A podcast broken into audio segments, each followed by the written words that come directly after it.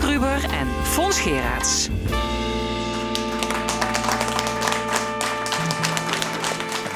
Welkom bij De Stemming, het interview- en discussieprogramma van L1 Radio, rechtstreeks vanuit Café Forum in Maastricht. Wat hebben we in deze laatste uitzending van het jaar voor u in petto? Natuurlijk blikken we terug op 2019 en dat doen we met bibliothecaris Janne Dekkers, theatermaker Servi Hermans en communicatieadviseur Jos van Wersch.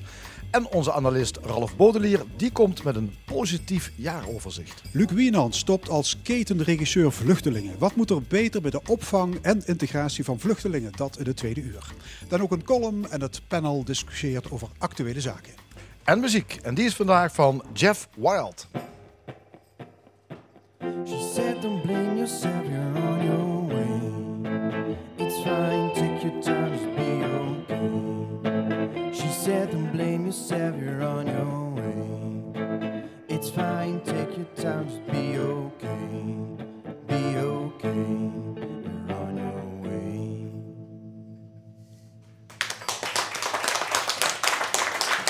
In deze laatste uitzending van het jaar blikken we in de stemming terug, traditiegetrouw. En we bespreken de hoogte- en de dieptepunten van 2019 in Limburg, Nederland en de wereld. En we kiezen dadelijk ook nog de Limburger van het jaar. Dat doen we met de volgende drie personen. Janine Dekkers, eh, voorzitter van de Vereniging van Limburgse Bibliotheken. Servi Hermans, is artistiek directeur van toneelgroep Maastricht. En Jos van Wersch, communicatieadviseur en een onze columnisten. Ja, de openingsvraag is dan altijd: hoe was het voorbije jaar voor jullie persoonlijk? Laat ik beginnen bij Serve Hermans. Ja, ik vond het eh, een, een. Omdat ik wist dat de vraag zou komen, want die was er vorig jaar ook. Toen dacht ik, hoe kan ik hem duiden? En voor mij was het het meest leerzame jaar sinds mijn eh, schoolcarrière. Ik heb zo. Ik ben zakelijk directeur ook geworden van Toneelgroep Maastricht. Eh, we hadden een aantal hele grote evenementen gemaakt. Zoiets hadden we nog nooit eerder gedaan. Opening van de Buitenring, opening Cultura Nova. Dat was een heel groot musicalproject waar ik betrokken bij ben.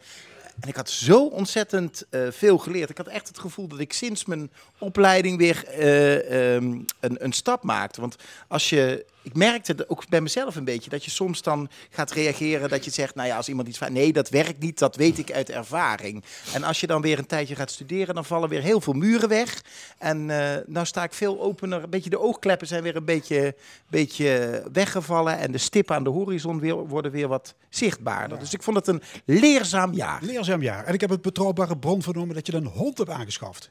Nee, die hond, eh, die, hond- die hond is inmiddels al aan zijn derde jaar bij ons thuis, hoor. Oké. Ja, ja, ja, ja. maar ik heb hem de eerste twee jaar heel eh, vakkundig weggehouden uit de openbaarheid. Maar nu loop ik er ook mee de straat op. ja. Als je 2019 een punt zou willen geven, een cijfer, waar kom je dan op uit? Ehm, Jezus. Wegen en meten door Fons Gerards. 7,5? Nou zeg, Is dat veel? kan. Netjes. Dat is niet veel, hè? Niet veel. Nee, dat vind ik. Oh ja. Nou, Nou, dan zit ik ergens tussen de bibliotheek en Jos van Wersch in. Ja. Ja, Janine Dekkers van die bibliotheken. eh, maar even persoonlijk, eh, wat, wat is jouw, eh, wat- hoe was 2019 voor jou? Eh, nou, eh, het was juist wel een jaar van rust. Ik ben de directeur van de bibliotheek Remond en voorzitter van de vereniging Limburgse Bibliotheken. En eh, in Remond is, het, is de rust de- wedergekeerd in de bibliotheek. Dan hebben we- hadden we in het verleden wat reorganisaties die nu eh, Ja. Tot bloei zijn gekomen. En de vereniging Limburgse Bibliotheken is ook eh, na een periode van hard werken eh, tot bloei gekomen. Dus ik ben wel... Er is niet zo heel, er zijn heel, geen gekke dingen gebeurd. Dus Alles, alles, is geregeld van- voor de bibliotheken. nou, dus, nee, eh, voor de bibliotheken niet, maar in de vereniging eh, wel. Nee. De vereniging Dat is- wel. Er valt nog een hoop te verbeteren voor de Ja. bibliotheken. Maar in de vereniging, mij persoonlijk dan... eh, Ja, en dat was hoger dan een 7,5, begrijp nou, ik? ik dacht, als die, toen die vraag kwam, dacht ik, oh, wat ga ik dan zeggen? Maar ik, toen dacht ik, nou, 7, 7,5 was best een goed jaar. En niet heel slecht, heel, niet heel goed. Dus. Oké, derde aan tafel is communicatieadviseur Jos van Wersch. Jos, hoe gaat 2019 voor jou persoonlijk de boeken in? Uitstekend, uitstekend. De hond ging dood, maar we hebben een nieuwe hond. Een pup. En dat pup, dat moet, zullen we weten ook, want dat valt nog niet mee. Als je wat ouder bent. Maar het is verder fantastisch. Eh, Heel zindelijk, Jos. Ja, zindelijk, helemaal. Ik ben de enige aan tafel zonder vaste baan, dus dat scheelt. Eh, we hebben een goed jaar gedraaid. Dat wil zeggen, mijn vrouw en ik, we hebben een tweemanszaak. Ik doe de externe tralala, zij doet de financiën, maar goed ook. En eh, voor de rest, mijn moeder werd 90 jaar in topfitte gezondheid, fysiek, geestelijk. De kinderen gingen de deur uit, allemaal. We zijn nu met z'n tweeën. Eh, we hebben een, een in de wei gevonden bij ons achteren. Kortom, een, een 9,5. geweldig jaar. Ja, geweldig jaar. In 2018 heb je meegespeeld in de voorstelling Emma in een schoenenfabriek in Brunsum. Ooit de Toen was het een sociale tien jaar. Toen was het een tien. Eh, dat acteren heeft geen vervolg gekregen. Nee, niet bij mij, maar we hebben nog elke week kom ik mensen tegen die het hebben gezien, de voorstelling. En dan zeggen ze, je kent heel zingen hier, meneer Van Wersch. Hè? Ik kan heel hard zingen, ja, dat klopt. Maar je hebt geen carrière switch Ja. eh, overwogen. Ik heb, eh, nee, ik ben gewoon, op deze leeftijd moet je gewoon wat je kunt blijven doen. En dan ben ik dik tevreden. Ja, we kijken terug eh, hier eh, aan deze tafel natuurlijk naar het afgelopen jaar, 2019. En ehm, de vraag is ook, wat heeft jullie nou geraakt in de actualiteit, Servi Hermans? Eh, als ik jou nou vraag, wat was de gebeurtenis van dit jaar waarvan jij zegt van ja, dat heeft wel zo'n indruk op mij gemaakt, dat blijft nog wel even hangen? Ja, dat was de, het was ergens midden april. Ik denk zo rond 15 april. En toen was, hadden we net de première gehad. Dus ik had een hele rustige week. Dat kan ook. Première van? Eh, wat Nou ja, heb ik toen laat- gemaakt? Jawel, jawel, jawel, weet ik wel. Ehm eh, La Grande Bouffe. Ja. En, eh, en toen eh, was er brand in de Notre Dame. Dus het was eh, Parijs en ik zat in de auto en toen hoorde het, ja, zojuist is brandalarm afgegaan in de Notre Dame. Eh, en dan om 1842, 22 minuten later, werd een brandhaard gevonden. Toen was ik inmiddels thuis, ging de televisie aan en toen stortte een stuk van het dak in. En om 23 uur 15 kregen we dan te horen dat de Franse, Parijse politie ervoor had gezorgd dat die twee torens links en rechts nog eh, overeind waren gebleven. Dus het was een soort, soort spannend jongensboek. En ik hou enorm van kunst en van cultuur. En dan in zo'n, in zo'n stad als Parijs, waar natuurlijk zo ook verblindend mooi is dat het bijna pijn aan de ogen doet. En dan stort dat icoon van de Notre Dame, onze dame, in. En dan Macron, die met veel gevoel voor pathos, dan ook zei: er is een stukje van ons nu afgepakt. En in die 24 uur daarna was er 700 miljoen gevonden om dat ding te restaureren. En dus het was, ik vond het heel dubbel. Want aan de ene kant dacht ik, nou ja, ik ben, ik ben er zo voor. Hè, die kerk, hè, daar liggen nog overblijfselen van, eh, van, eh, van Jezus. Hè, de- een stukje van het kruis, een, een spijker, eh, de doornenkrans en die prachtige, dat prachtige orgel. Dus ik zat er helemaal in. Ik was totaal, ik Je kan het, ook alles. je kan het tegenwoordig ook helemaal volgen. hè, Ja, ja, ik kon het helemaal. Het was, met live alle media was Ja. ik er, met iPads en dingen. En, en toen Maar hoezo een dubbel gevoel? nou, en de dag daarna was er 700 miljoen. En toen dacht ik dat zo'n klein, zo'n stadje is dus in staat om in 24 uur 700 miljoen en in de dagen daarna werd het eh, miljarden en meer. Ja, prestigeproject voor veel mensen natuurlijk om Een daaraan mee plek te met zoveel Ja. problemen als, als Parijs. Kunnen we nou niet met net zoveel gemak iets voor die banlieues doen of die dingen? Dus ik, ik eigenlijk, het was een, het, het moment wat me het meeste indruk op me maakte. En waar ik eigenlijk dat allemaal heb doorleefd en opgemerkt. En er geen verdere conclusies aan kon verbinden. Wat ik ervan vond. Behalve dat ik het enorm schokkend op een of andere manier vond. hoe die, hoe die nasleep was. Ja. Iemand er iets aan toe te voegen, Jos van Wers? Nee, niet dan dit, maar over schokkend gesproken. Dat vond ik dan weer eh dicht bij huis. Dat was die, eh, de Thijs H-kwestie. Twee, twee moorden hier in vlakbij gebeurd. En zeker toen ik s'avonds eh met een beetje googelen was ik bezig. En denk, vrek, ik ken die moeder. Ja, Thijs H. moet even, even uitleggen. Dat is die, die, man die op de Brunsumerij twee mensen vermoord heeft. Twee mensen en ook vermoord nog heeft. in... eh, Ja. Scheveningen. Die de hond aan het uitlaten waren ook Ja, nog. Hè? Dat is voor ons ja. toch echt een schrikbeeld. Het is, niet, dat moet, hè, het is heel dichtbij dus. Hè. Ja. En als je dan, dan s'avonds denkt, verrek, ik ken die moeder. Die heb ik nog geïnterviewd een tijdje geleden. En dan, dan ben je helemaal stil, moet ik zeggen. Dan, dan eh, ben, ik, de- ben ik de weg kwijt. En wat ik ook wel eh, schokkend vind, en heel iets anders, is dat, die, dat je de leraren, onderwijs zeg maar, die krijgen dus een procent of zeven erbij, 8 procent. Terwijl al die gepensioneerden, die hebben al 11 jaar geen indexatie gehad. Nul. Die hebben dus nu inmiddels 15% 14% ingeleverd van hetgeen de anderen erbij gekregen hebben. Dat is natuurlijk gigantisch. En daar, ik ben natuurlijk geen Henk Krol, zo hoop ik niet te worden ook niet, maar heeft u wel een punt dat veel die andere mensen die toch heel veel hebben gewerkt voor onze generatie, om ons dat te kunnen gunnen, nu velen op een houtje aan het bijten zijn. Dat doet me wel, wel zeer, moet ik zeggen. Ja, nou helemaal dat je toch merkt... Ik merkte bijvoorbeeld aan Parijs dat er dus zoveel geld in de wereld ook is. En dat je dat in 24 uur op tafel kan leggen. En Dat we toch niet... niet Nou, dat- het ligt nog niet op tafel. Hè. Even, ik wil Ja, verder ja. niet eh, cynisch doen, maar eh 700 miljoen zijn allerlei hele grote bedrijven die hebben gezegd dat als zij hun zin krijgen, is ze dat in 2020 een keer- ooit een keer. Ja. Dus, Maar er is natuurlijk heel veel geld op dit moment ook in het eigen land Binnenhof. Je hoeft maar met een trekker te hebben, je hebt geld. Als je die kant op gaat, hè, naar, naar de, daar is heel veel geld op dit moment. Het, Ja. het werkt, die bedrijven ook, die, de gekkigheid wat ze aan het doen zijn. Terwijl eh, bibliotheken, noem eens wat, daar komen we straks niet meer aan over te praten, op een houtje bijten. Eh, de gepensioneerden hebben het heel, heel moeilijk op dit moment, heel veel mensen. En dan is dat toch wel bitter als je ziet hoeveel er een omloop is, beschikbaar is aan gelden, en dat een aantal mensen daar gewoon niet van mee kan Geld, profiteren. geld kost niks. Nee, geld kost niks meer. Janine Dekkers, eh, directeur van Biblio Rura. Voor jou dezelfde vraag. Wat vond jij de meest belangrijke gebeurtenis of ontwikkeling in 2019? Ja, want ik zat, terwijl die heren aan het praten waren, zat ik te denken... ik heb niet één, één zo'n zo'n lichtflitsmoment, maar... Wat ik heel raar vind, of een beetje akelig vind zelfs, is de, de, de, de ontevredenheid. Vooral de laatste, de laatste helft van het jaar. Al die demonstraties overal. En dat mensen niet meer met elkaar willen praten. En de, degene met het grootste mond en de grootste vrachtwagen of tractor of het grootste geweld krijgt gelijk. En daar word ik een beetje verdrietig van. Met een boosheid, hè? Ja, de boos, vooral de boosheid. Hufterigheid overal. zelfs. Hè? Ja, ja. Ongelooflijk eigenlijk. In zo'n prachtig land. Waar we eigenlijk alles hebben toch. hè. Dus dat is wel, wel heel, eh, heel Dat opvallend. zijn toch twee verschillende dingen, Jos? Boosheid en verhuftering. Nou, eh, ik ken boeren eh, die zijn boer, hufterig, alles bij elkaar. Hè? Ik zie het Het regelmatig. is geen, geen vanzelfsprekendheid. laat ik het Nee, dat is daarom dat boer, boer zoekt vrouw. Ik verbaas me dat programma nog wel 20 jaar, maar dat blijft ook zo bestaan. Hè? Dat gaat echt wel duren. Nee, Maar, maar gaat dit om geld of gaat dit om erkenning, wat boeren ook zeggen? Hè? Wij, wij worden niet erkend voor, voor wat wij doen en wat wij zijn. Kijk, Ja, de boeren hebben natuurlijk, als je dat ziet, hebben maar 10%. Ze krijgen maar 10% van hetgeen ik bij de supermarkt betaal voor een product. Daar word je inderdaad ook gek van. Als je 90% als tussenhandel hebt. Ja, maar kijk, die hele boerendiscussie, daar, lopen zoveel dingen door elkaar volgens mij. eh, want, want je hebt helemaal gelijk inderdaad, boeren krijgen veel te weinig betaald. Maar daar kan de provincie niks aan doen. Dus het heeft niet zoveel zin om het provinciehuis te gaan bezetten. Dus dat zijn... Ja, dat gaat weer om andere dingen. Dat dat gaat weer om het stikstofbeleid dan. stikstof, maar Ja. dat lopen ze een heleboel dingen door elkaar. En ik krijg het idee dat mensen boos zijn om het, om, om het, om het ene en zich dat uiteren op het andere. En dan gaan dingen heel erg door elkaar lopen. eh, in, in mijn hoofd in ieder geval. eh, en ik denk in de hoofd van een heleboel mensen. Ja, ben je iemand die het nieuws nauwgezet volgt? Le- lees je iedere dag Eh, kranten? Kijk je het dag- journaal? Ik lees, lees iedere dag de krant, zeker één. En het journaal wil ik nog wel eens overslaan. Maar gewoon omdat en, iets en laat je je stemming beïnvloeden door de grote boze buitenwereld? Ehm,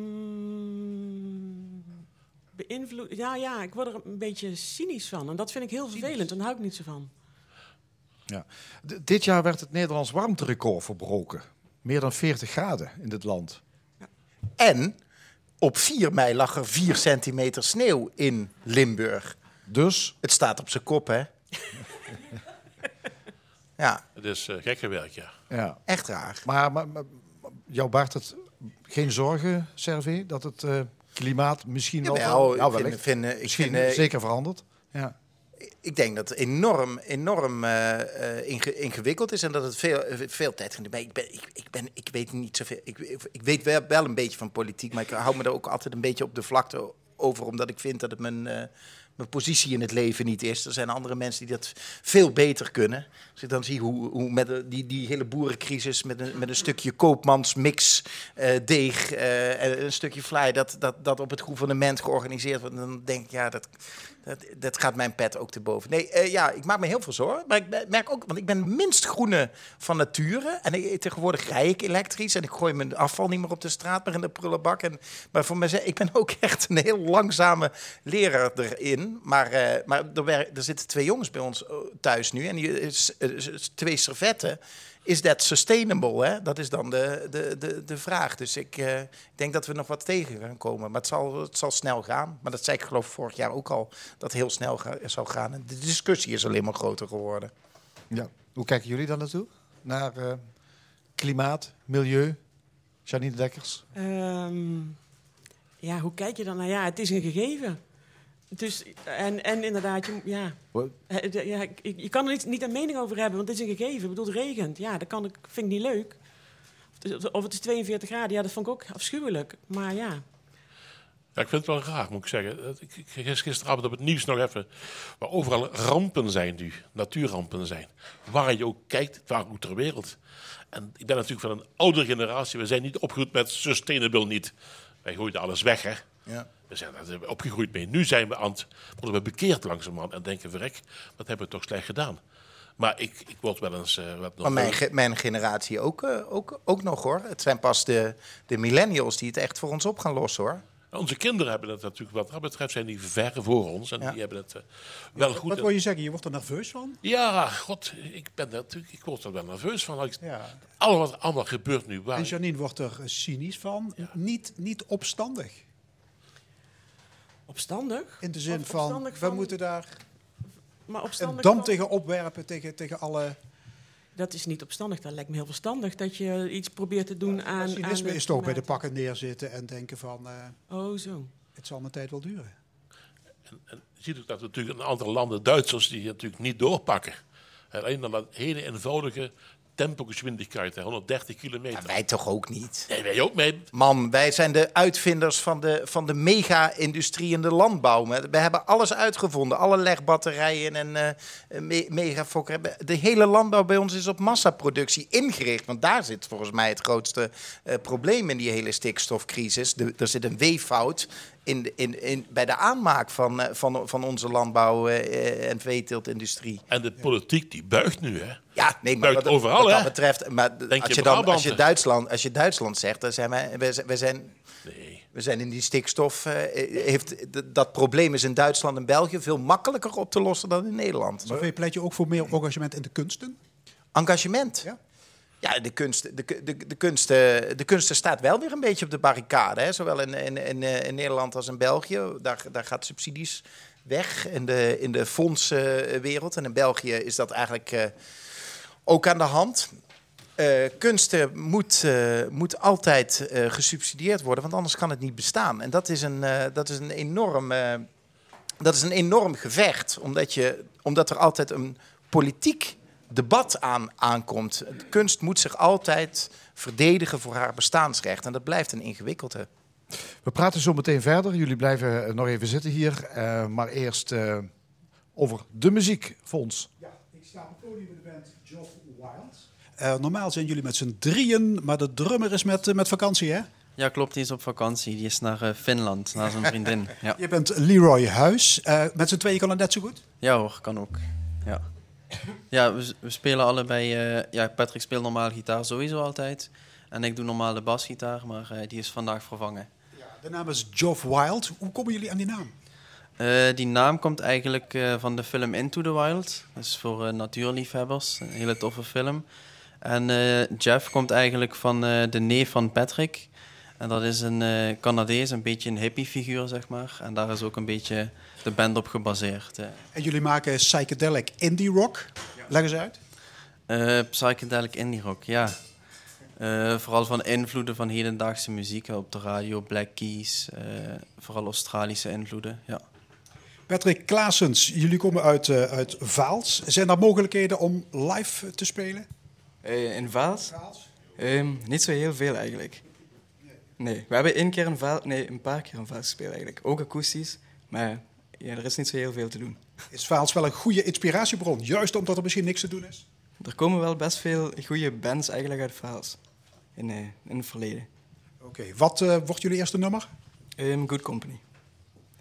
Zet hem op. Hier is Geoff Wild.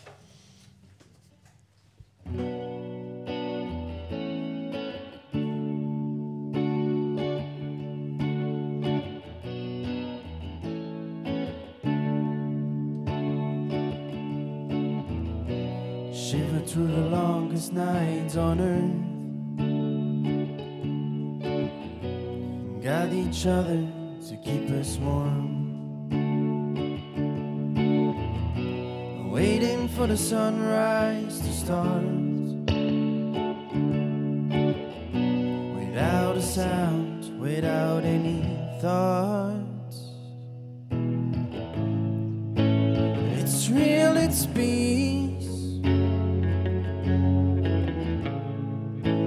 All that you need. It's real, it's peace. It's all that you need. melting in the desert, breathing dry air. Traveled miles to get here.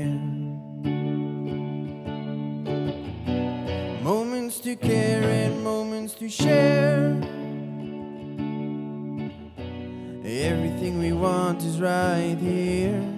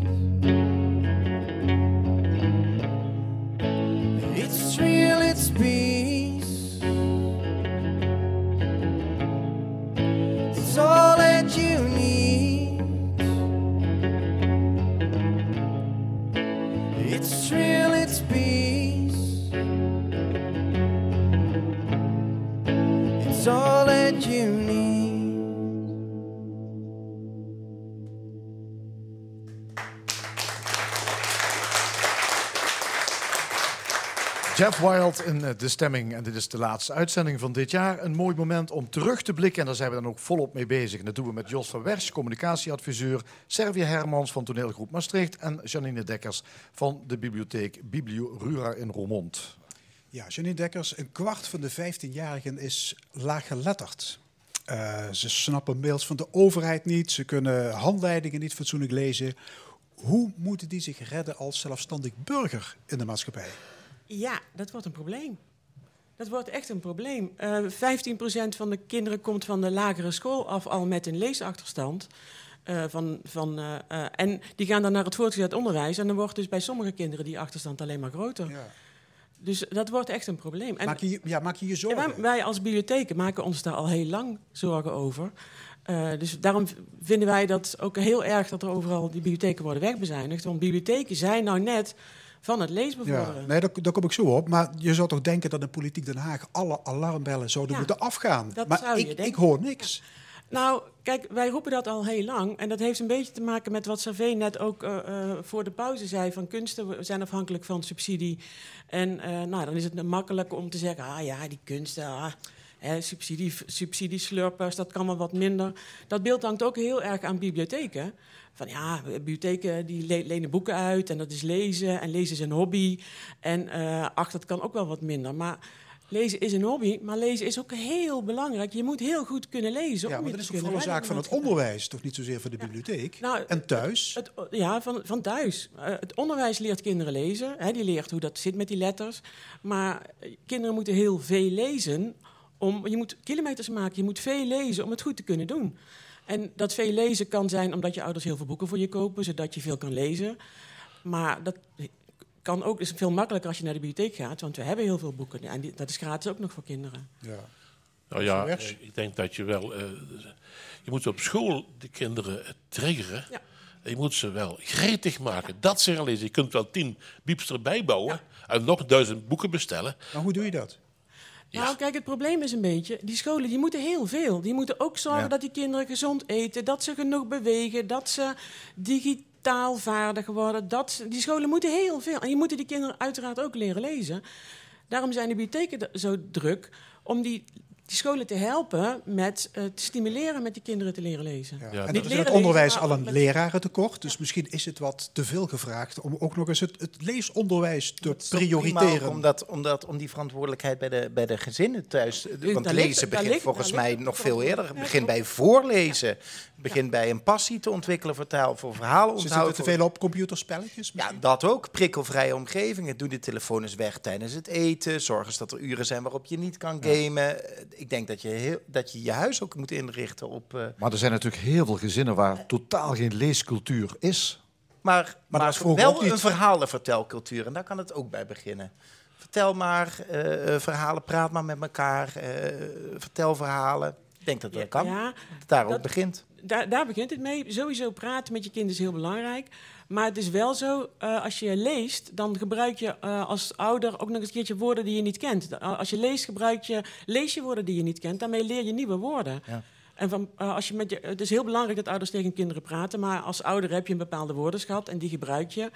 En je gaat niet tegen je kind zeggen, nou, zo- nou, nu ga ik eens even een nieuw woordje leren. En als je een boek leest, dan gaat dat vanzelf. Johnny, je zit al 35 jaar in die, in die ehm, bibliotheekbranche. Hoe gaat het met de biep? Mm, Bij ons in Remond gaat het goed. In Ro- Maar in zijn Remond en algemeenheid? Maar in zijn algemeenheid gaat het niet zo goed met de bibliotheek. Waarom niet? Want er wordt bezuinigd. Want, want inderdaad, eh, zeker nu met die WMO, er wordt, moet overal bezuinigd worden. Geme- De, een bibliotheek is een, de verantwoordelijkheid van de gemeente. De bibliotheken leven van gemeentelijke subsidie. En als een gemeente moet gaan bezuinigen omdat de jeugdzorg te veel geld kost, ja, dan moet een gemeente gaan kiezen tussen ja, jeugdzorg en bibliotheken. Eh, of het zwembad moet dicht, of de voetbalclub moet, of er moeten straten moeten vernieuwd worden. Bibliotheken worden leeswinkels. Ik krijg een beetje de kriebels van, dat, van dat woord. Er, is, er zijn, ja, er zijn leeswinkels. Ja. Hebben ze dat toch? Ja, Sittard hebben ze dat. Ja, die leeswinkel wil zeggen dat er natuurlijk niks met te lezen valt. hè. Zo'n ding komt niet zomaar voorbij, hoor. Nou, Nee, maar ik heb Dat de, net als cynisch over doen, want dat is... Nee, maar- nee, maar Kijk, ik heb de indruk dat er steeds meer boeken naar het magazijn verdwijnen. En dat er steeds meer ruimte komt voor koffiecorners en, en cursussen. Nou, Het is, toch dat ook komt- wel, het is toch ook wel een, een, een, een feit dat, een- dat, dat bibliotheken niet hun, hun, hun eh, ehm, eh, hoe, hoe, hoe, hoe moet je dat zeggen? Eigenlijk hun, hun, hun, zichzelf opnieuw moeten inrichten, omdat de wereld op een andere manier. Kijk, vroeger was een bibliotheek, was, je zat midden in één grote winkeler Prins. Nou, dat is niet meer, dat is niet meer aan de hand. Dus, dus, dus een, een, bijvoorbeeld dat een bibliotheek een nieuwe functie krijgt als een prikkelvrije ruimte waar je, eh, waar je, Waar je je geen boek meer kunt vinden. Ja, Nee, ja, chargeer. ja, Ik er is chargeer. een- ja, maar je chargeert ook. Want aan de andere kant zie ik nou ook in die hub in Kerkrade. Ik vind het superleuk. Ik kom binnen, ik ga door de bibliotheek het theater in... en ik zit een boekje te lezen... in plaats van wat te tutten en een paar folders voordat ik naar het theater ga. Is wel een andere nieuwe ervaring voor mij. Nou, er is een bibliotheek, vier jaar geleden is er een bibliotheekwet gekomen. En volgens de wet, wetstelsel openbare bibliotheken hebben bibliotheken vijf wettelijke functies. En daar is eh, toegang bieden tot kennis en informatie, maar, toe, maar, maar eh, aantal van dat soort functies. Maar eh, plek voor ontmoeting en debat is ook een van de wettelijke functies. Dus dat is ook wel een reden waarom er op sommige plekken boeken verdwijnen. Je noemt jezelf een militante bibliothecaris. Ja. En je Twitter-account heet ook Ten Aanval. Leg uit. Nou, dat is, de- dus het Twitter-account is ook al tien jaar oud. Eh, en eh, in, in die tijd zat ik op feestjes waarin mensen zeiden... werk jij in een bibliotheek? Bestaat dat nog? En daar werd ik altijd heel zagrijnig van. En ik had ook echt zoiets eh, van... ja, hallo, natuurlijk werk ik in een bibliotheek en dat is belangrijk. En hou nou eens op met zeggen dat bibliotheken niet belangrijk zijn... En ik moest een, tweet, een naam verzinnen en toen dacht ik, ach ja, ten aanval is leuk. Wie, wie kent, wie, wie leest dat nou? Niet wetende dat ik tien jaar later in, die naam moest gaan uitleggen op de radio. Ja, maar het begint misschien inderdaad bij onderwijs. Eh Servie Hermans, ik las in de Limburg afgelopen jaar een brief die jij aan je 16-jarige ik schreef. Nou, dat, is een, dat is een serie in de Limburger. En daaruit bleek dat jij terugkijkend eh, concludeerde, dat dacht je toen natuurlijk ook al, dat je een enorme hekel aan school Ja. had. Ja, Dus ook aan lezen toen al?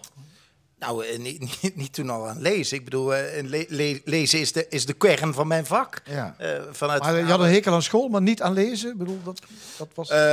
Nee, ik had een, ik had een en- enorme grafhekel aan school. Maar dat had meer volgens mij te maken met dat ik moeite had met die gezagsverhoudingen op de, op de school. Ik denk dat ik juist te goed wist wat ik wel leuk vond. En waar ik zeker van wist dat ik het nooit nodig zou hebben in mijn, in mijn leven.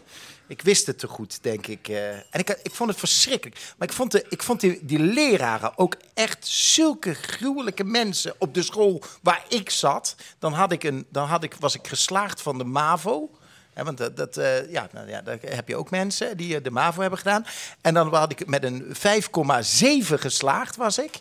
En toen zei de directeur, ten overstaan van de hele school, dit is Servé Hermans en hij is met een 5,7 geslaagd. Toen was ik, vond ik zo gemeen en toen zei ik tegen hem, dan heb ik nog twee tienden te hard gewerkt. Ik vond het verschrikkelijk. Ja, nou ja, terugkijkend, eh, het was gewoon een eh, verkeerde school.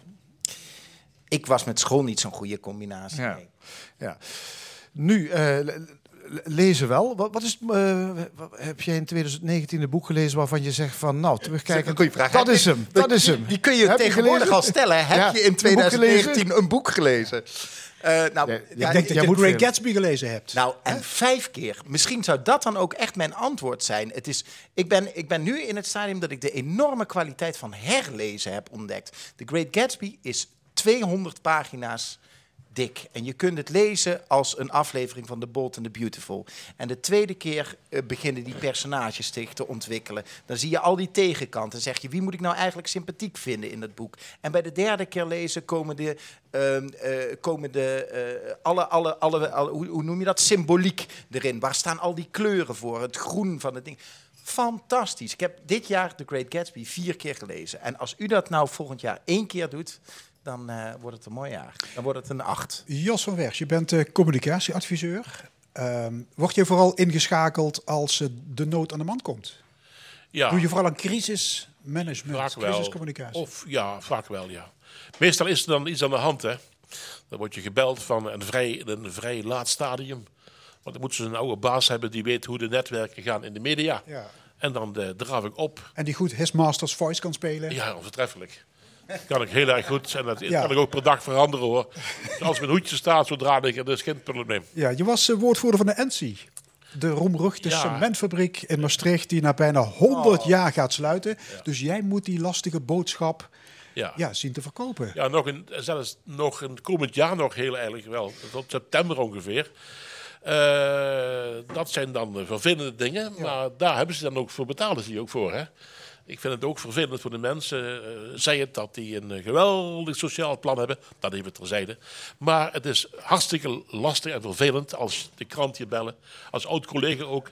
En ik kan niet meer zeggen dan het persbericht dat ik zelf heb geschreven. Kan zeggen. Ja, maar Jos, eh, vroeger was je, ik zei vroeger wel, maar nu heb ik een andere baan.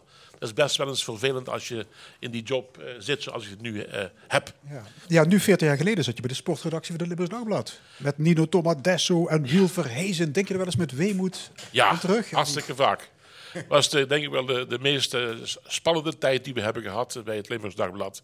Eh een sportredactie met, we bulkten van het geld. We konden eh, alle evenementen bezoeken. Niet met één, maar met twee man tegelijk. Dus ik heb de grote jaren meegemaakt. En daarom net deze week las ik in de krant, las ik bij L1, wacht even, dat de Limburger nu nog maar 100.000 abonnementen hebben. 100.000. En dan kreeg ik nog een hele discussie met de hoofdredacteur. Die zegt, dat klopt. En de directeur Maurice Ubach zegt, dat klopt niet. Heerlijk herhaaldelijk dat wel weer. Dus het, uit één bedrijf die elkaar ook nog tegenspreken. Maar dat is natuurlijk hartstikke weinig. Toen wij met Limburg stapten, hadden we er 85.000 toen ik er wegging. En de Limburg had er toen ongeveer, schat ik zo, 180.000. Dus we hebben er maar een derde over. Over gelezen gesproken, ontlezen gesproken. Ja. Dat is gigantisch. Hoe zorgelijk is dat volgens jou? Ja, luister, ik ben een krantengek. Ik, eh, krant is mijn leven. Maar eh, ik zie eh, de generatie achter ons, achter mij, eh, die laat die krant gewoon keurig liggen hoor. Eh, ik vind het, en ook digitaal niet. Want het aantal digitale abonnementen is ook helemaal niks. Je zou denken, er komt een verschuiving van papier naar digitaal. Maar ook dat zet je zo dan de dek. Ja, is het om radeloos van te worden Ja, als je als je- bij de krant, eh, Ja, de directie. Ik ken ook wel eh, redacteuren die ik ontmoet zeggen, luister, we geven de moed langzamerhand op, want er komt niks bij. Alleen maar loopt het dan weer weg. Dus eh, ik ben blij dat ik dat niet meer eh, hoef te, te tellen, de abonnementen. Jos, je hebt hier altijd een groot sporthart, figuurlijk. hè? Ehm, je bent nog niet door het failliete Huis van de Sport ingehuurd als crisiscommunicatieman. dat was het, eh, Topsport, weet dat? Topsport Limburg. Topsport Limburg. Ja, Uit, de Uit het oog, uit het hart, hè? Nee, Top van Limburg. Dat was dus te laat ook. Hè. Ik- Dat was al te laat. Er was niks meer te redden. Oké. Er was zoveel geld. Er was daar naar de files. wat was het meest gedenkwaardige sportmoment in 2019? Ja, voor mij in Limburg, dan was dat die, die, die keeper van, eh, eh, van eh, uit eh, weet je, groen-wit, nee, eh uit Groene Ster. Groene Ster, derde divisie. Die, die eh, penalty hield tegen VVV. En als een wereldster daar, de famous moments, over dat voetbalveld liep. En ik zag hem deze week terug bij AZ-wedstrijd. Toen vroeg die keeper, Ander van AZ, mag ik een truitje van jou hebben? Zei ik, ik heb maar één truitje. Traditie. in deze laatste uitzending van de stemming is dat wij hier de Limburger van eh, het jaar eh, uitkiezen. En eh, dat mogen jullie alle drie doen. Dus het zijn drie Limburgers van het jaar dan. Zou zomaar kunnen. Servi Hermans, wie is het voor jou? Ja, ik wilde het United World College, dat is een instituut. Denk je dat dat, dat, dat mag? Ja, kan. Nou, ik, eh, dat is de United World College leerde ik eigenlijk dit, dit, eh, dit jaar eh, pas kennen. Het is een soort university college wat voorbereidt op de universiteit. Daar zitten mensen op die komen over de hele wereld vandaan. Eh, eh, die worden over het algemeen met, met scholarships vanuit hun eigen regering hier naartoe geleid. En je krijgt daar dus een, een school waar 150 nationaliteiten op, op zitten. En eh, afgelopen negen dagen waren er twee van die jongens bij ons in, eh, in huis. Want er zijn, eh, die, die, die, de campus gaat dicht. En dan zijn er mensen die bijvoorbeeld in oorlogsgebieden leven en die niet terug kunnen. En die, daar worden dan gastgezinnen voor, voor gezocht. En in die gesprekken met die mensen ontvouwde zich iets wat ik zo tof en bijzonder vond. Ze hebben daar bijvoorbeeld eh mayor, major classes, waarin ze een mayor, eh, burgemeestersklas, waarin je lokale en wereldproblematieken en die gasten, 16 tot 18 jaar, alle werelddelen, met waanzinnig veel respect en liefde voor elkaar, proberen die dat met elkaar uit te praten. En dan krijg je, als je eh, de, stel je gooit daar de Zwarte Pieten discussie in, dan krijg je me een veel genuanceerder, maar ook veel oplossingsgerichtere uitkomst. Dus eh, ik zou iedereen een United World College carrière, en daar zou ik niet met een tegenzin naartoe gaan. Ehm, Janine Dekkers, wie is de Limburger van 2019? Ja, ik heb erover nagedacht en ik kon niemand verzinnen. Sorry. Oké, dan eh, Er zijn Ja, gewoon geen Ja. interessante Limburgers dit Nee, nee, jaar. nee. nee ho, laten we er hem, laten vakant. De ene komt met Er een... zijn een heleboel interessante met een Limburgers, maar ik vind de Limburger van het, na, van het jaar, dan Ja. heb je iets gepresteerd wat je, heb je iets heel bijzonders gepresteerd. En je hebt, het is een mooi verhaal over het United College, maar Ja. Geen prestatie. We laten, Nee. een, eh, we laten een nulletje staan erachter. Ja, Ik sluit me aan bij Janine, want die is er niet dit jaar. Moeten we laten we... Kijk, André is al categorie. Elk jaar de beste Limburg. Maar Timmermans, Frans, die, die heeft het verloren. Gewoon verloren. En Frans zegt, als ik niet word, stap ik op. Mooi niet, hè? Gert Leers, die heeft de gemeenteraad van Brunsum getemd. Dat is net te weinig. Annemarie Pen, toch een beetje dom. Dus we hebben dat niet meer kunnen vinden. Dus dit jaar slaan we hem gewoon Weet je, op. de, de, de keeper van Groene Ster. Nee, nee, die heeft, die heeft een prijs gehad. Dat is een spotprijs. Ik vond eigenlijk ook wel, ik vond wel leuk de directeur van het MEC, Rob. Oh ja, die, oh, niet die, hebben toch veel plezier Ja, aan ja, gehad aan het niet binnenhalen van het Songfestival. Oh, ja, die- Maar dat was toch wel echt, Ja, ja. maar er was zoveel energie in die campagne. Ik vond dat echt knap. Ja, ik moet zeggen, Rob is geweldig, ja. ja. Het Songfestival is toch genoemd nog, inderdaad. godzijdank Ja. zeg. Janine Dekkers, eh Servi Hermans en Jos van Wersch, dank jullie wel. Zo dadelijk in de stemming van L1 Radio, de voorlopig laatste bijdrage van onze analist burgerschap Ralf Baudelier. Hij presenteert een eigenzinnig jaaroverzicht. Maar eerst het Vaalser duo Geoff Wild. Dit is hun meest recente single, Wild Desires.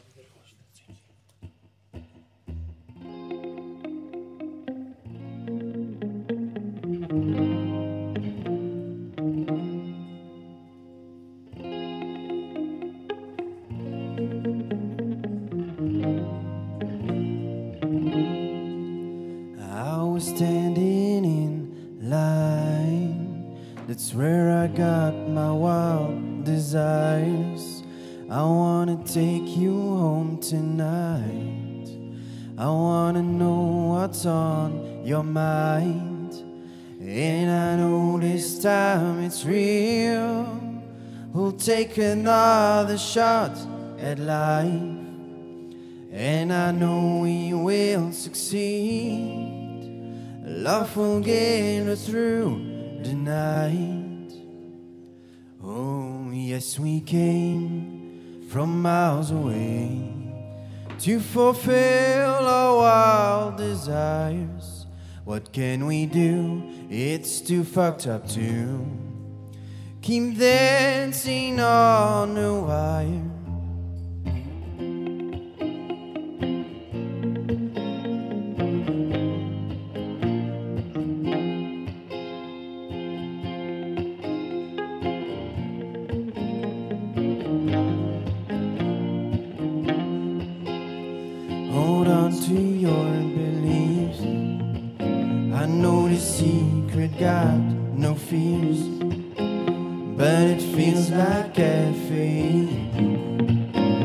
After a week of missing sleep, and I know this time it's real. We'll take another shot at life, and I know we will succeed. Love will get us through the night. Oh, yes, we came from miles away to fulfill our wild up too, keep dancing on the wire. Oh, yes, we came from miles away If we fall on a wall this hurts what can we do? It's too much up to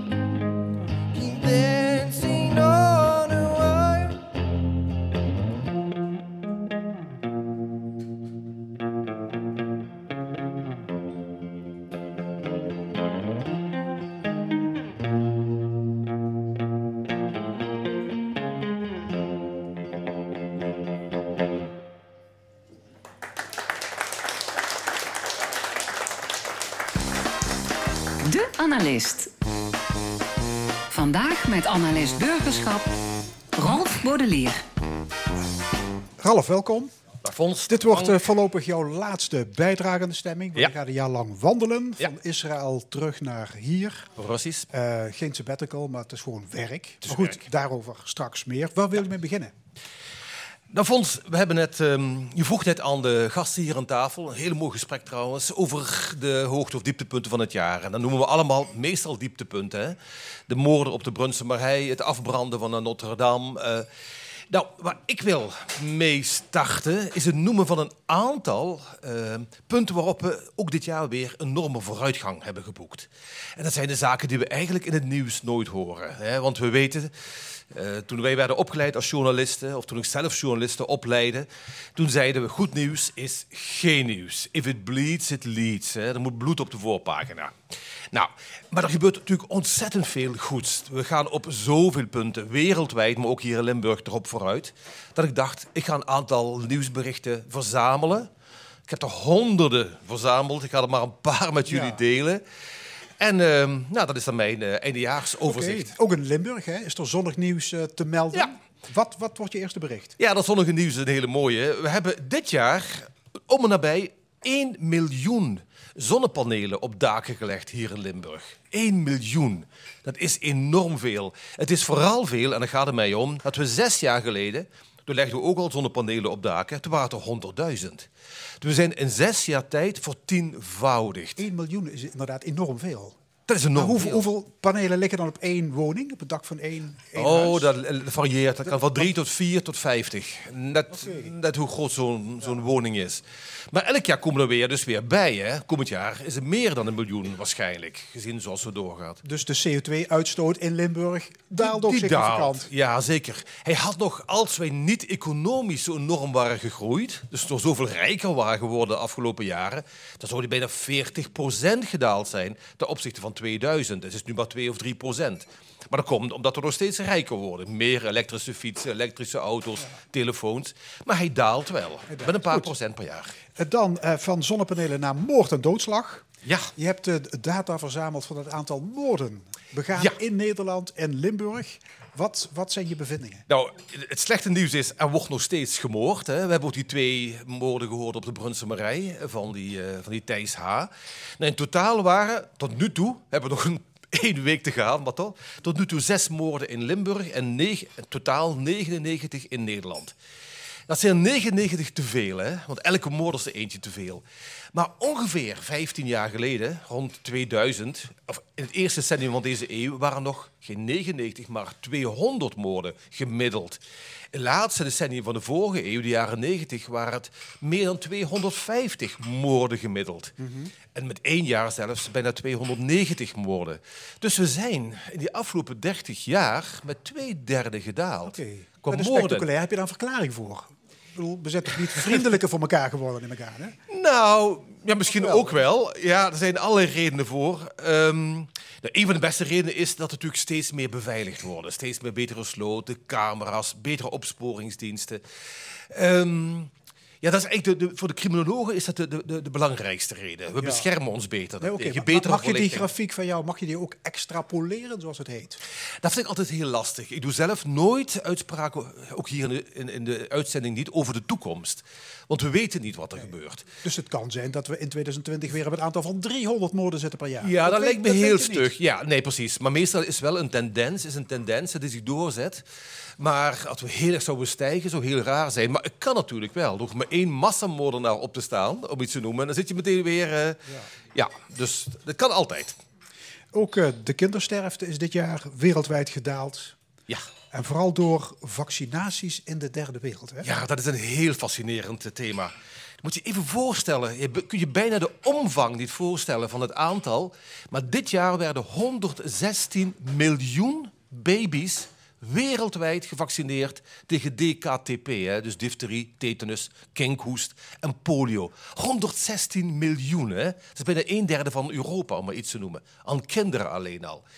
Nou, door die vaccinatie daalt de kindersterfte enorm, wereldwijd. Dus hier in Limburg, hè, da- daar is je natuurlijk al heel laag al, of in Nederland, maar ook wereldwijd. Ook hier weer even de cijfers. Stel je voor, in 1990, nu praat ik weer over 30 jaar geleden, toen stierven nog wereldwijd ongeveer 1 op de 5 kinderen voor de vijfde verjaardag. Dus van een gezin van vijf wist je dat er eentje ging. Wereldwijd, hè, zijn gemiddelde. Op dit moment zit er 40 op de 1000. Dat is dus een daling van 200 naar 40. Hier in Nederland is het 4 op de 1000. Hè. Dus we, kunnen nog, we moeten nog meters maken om dit niveau te bereiken. Maar het is wel eens een enorme vooruitgang wat betreft dalende kindersterfte. En met name door die vaccinaties. Dus er zit een antivaxbeweging in Nederland. Schandalig is dat, dat die bestaat. Want net vaccinaties zijn zo belangrijk om mensen in leven te houden. Ja. Ook gingen kinderen eh, meer naar school. Ja, dat is een helemaal een vraag hier in Nederland. Hoeveel kinderen gaan wereldwijd naar school? Of hoeveel kinderen gaan wereldwijd in Afrika naar school? In Afrika zeggen mensen misschien 10%, 20%. Ja, Afrika is het inmiddels 85% van kinderen die de lagere school afmaken. Wereldwijd zitten we boven de 90% die de school afmaken. En dat is dus ook weer enorm. En bovendien, net zoveel jongens als meisjes. Ja, dat is niet altijd zo geweest, hè? nee, dat is zeker niet. Dat, tot voor kort nog was met name in de wereld van de, de islam, om even zo onaardig te zeggen, maar ook in Afrika, dat de jongens altijd voorgingen. Nou, dat is enorm bijgetrokken. Het is vrijwel nu 50-50. Ja. En miljoenen mensen kregen voor het eerst elektriciteit en Ja. schoon water. En schoon water. En hoeveel aardbewoners hebben dit jaar internet gekregen? Ja, dat is het allermooiste. Dat zijn er rond de 700 miljoen. Voorstellen. 700 miljoen. Die kregen allemaal internet. Het gaat heel hard. En dan komt het mooie. Ik vertelde je dus over al die vooruitgang. En ik zei het, hè, ik had natuurlijk nog 50 van dit soort thema's kunnen noemen. En al die mensen met internet die gaan nu zitten op de nu.punt en els van deze wereld. En dan zien ze hoe vreselijk de wereld ervoor staat. Ja, we gaan erop vooruit. Ja. Hey Ralf, ehm, jij schuift hier regelmatig aan voor je goed nieuws. Maar we gaan je komend jaar in elk geval missen, want je gaat wandelen. Je gaat vanuit eh, Jeruzalem naar Bouillon wandelen. Ja. Bouillon, dat ligt in België. België. Leg even uit, hoezo, waarom? Ja, waarom Bouillon, hè? Ja. Nou, er was een zekere Godfried van Bouillon. En die man, die is een ridder, die organiseerde, of dat is de belangrijkste man, in de eerste kruistocht, rond 1100. Hè, En die vertrok hier met, een, met manschappen op naar Jeruzalem, want Jeruzalem was veroverd, overigens 400 jaar daarvoor al, maar goed, veroverd door de islam, door moslims. En het heilig graf, waar Jezus dus ooit begraven lag, maar niet meer lag, hè, want hij is verhezen, maar het heilig graf, was ook in de handen van die moslims. En de paus riep toen op, jongens, we moeten het heilig graf beschermen, van die, eh, bevrijden van die moslims. Allemaal legers richting eh, Ja. Jeruzalem vanuit Europa. Ja. Die gingen naartoe en uiteindelijk werd een leger, nou, naar schatting was een leger bijna op het hoogtepunt 600.000 man die daar naartoe trokken. En ze hebben ook Jeruzalem bevrijd in het jaar 1100. En wat ik nu doe, ik loop die eerste kruistocht achterstevoren. Ik begin in de Heilige Grafkerk in Jeruzalem op 1 januari, dus over eh, wat is het, negen dagen. Ehm dan sta ik daar in de Heilige Grafkerk en dan loop ik de route van die Godfried van Bouillon terug. Een heel groot deel door de islamitische wereld. Eh, Libanon, Turkije. Maar ook deel door Oost-Europa en deel door West-Europa. Ja, en wat ga je doen dan eh, tijdens dat jaar? Alle- Alleen maar wandelen? Of, eh? Nee, nee, ik ga vooral, ik ga vooral werken. Ik, ik loop als journalist, dus ik heb echt heel veel afspraken met kranten en tijdschriften en voor boeken. En wat ik doe, dat jaar 1100, dat was, ah, het was enorm gewelddadig. De- Tijdens de eerste kruistocht kwamen 1,7 miljoen mensen om het leven. Moet je even voorstellen, alleen die ene kruistocht, hè, de, die enorme oorlog in Syrië, hebben 400.000 mensen leven gekost. Dus dat was meer dan vier keer zoveel. Maar het was een tijd van de cholera en van de pest en van enorme hongersnoden. En wat ik nu doe, ik ga eigenlijk in al die landen schrijven over de vooruitgang. Ik neem die eerste kruistocht een beetje als, eh, als aanknopingspunt en ga eens kijken, waar staan we nu eigenlijk? Waar zijn we de afgelopen duizend jaar naartoe verhuisd? Ja, en je, je gaat met mensen praten onderweg. Ja. Ik stel me daarvoor, daar komt die enorme positieve Ralf uit Nederland. Jazeker. Die komt daar door een dorp ergens in Turkije en die gaat met mensen praten over hoe goed het in de wereld gaat. Ja, ik ga hun vragen, wat zijn jullie problemen? Dan ga ik natuurlijk ook echt vragen. Waar worstel je mee? Waar zit je mee? Maar dan vraag ik nog iets. Dat doet ook een normale journalist doet dat. Hè. Die schrijft dat op. Mensen hebben problemen in Istanbul. Maar ik vraag nog wat. Hoe groot waren die problemen nu 10, 20, 30 jaar geleden? En ik stel nog een vraag. Welke oplossingen hebben jullie voor die problemen? En dan krijg je hele andere soorten verhalen. En die verhalen wil ik gaan maken. Ja, in het Midden-Oosten, maar je komt ook door een deel van Oost-Europa. Er zijn ook landen waar, eh, nou ja, waar interessante verhalen natuurlijk wel eh Ja. vergaren vallen. Want wat denk jij in, in Hongarije te horen? Nou, ik zal in Hongarije toch vooral gaan praten over een heel belangrijk deel. Toch, nou, daar heb je een regering, hè, Orbán, die nogal conservatief is, reactionair, de persvrijheid belemmert, weet ik veel. Nou, ga eens kijken van hoe ga je dat nu oplossen, dit probleem? Hoe ga je zorgen dat je toch hier je vrijheid van meningsuiting kunt houden, bijvoorbeeld? Dat je toch niet uit de Europese Unie wordt geknikkerd over een paar jaar. Nou, dat soort, dat soort thema's zullen aan de orde komen. Maar ook heel concreet van hoe, ehm, hoe stond, zag, zag je leven er twintig jaar geleden voor? En hoe sta je er nu voor? Ben je nu rijker geworden? Reis je meer? Heb je ook eh, te- internetverbinding? Het is, het is, wel, het is een, eh, denk ik, een behoorlijke opgave. Je hebt ouders die al op leeftijd zijn. Je hebt eh, vrouwen en kinderen. En je gaat daar ja, toch wandelen op plekken. Ja, je moet maar afwachten wat het allemaal is. Maar, ben- Maak je je wel ook zorgen over? of ben, ben je misschien wel bang ook? Nee, daar heb, ik, daar heb ik nooit zo'n last van. Nee, nee, nee. Dus dat niet. Ik maak me natuurlijk wel zorgen, omdat mijn ouders al een heel stuk ouder zijn. Hè? Dus dat, ehm, nou, dat kan. Nou ja, ik kom maar nog. Maar je komt maar een paar keer terug, toch? ja, ik de kom twee keer kom ik een paar weken terug. Ja, kom ik ook hier bij jullie even verslag doen weer. Afgesproken. Mijn ouders opzoeken. Van een verbeterende Ja. wereld, neem ik aan. Ja, zeker. Of het Dat valt zal misschien gigantisch tegen de praktijk. Je weet het maar nooit. Ja, nou bijvoorbeeld een Limburgs blad hier, dat heet Navenant. we moeten- we een moeten- glossy- we moeten- stoppen. we ja. moeten- moeten stoppen. Ja, ga ik vergelijken. We zien elkaar over in mei en in september. Oké, dankjewel. Ralf Bodelier. Ja, dankjewel. Straks in deel 2 van de stemming Luc Wienans over zijn bevindingen als ketenregisseur integratie vluchtelingen. Het discussiepanel, column, muziek van Jeff Wild en nog veel meer. Blijf luisteren. Tot zometeen na nieuws en reclame.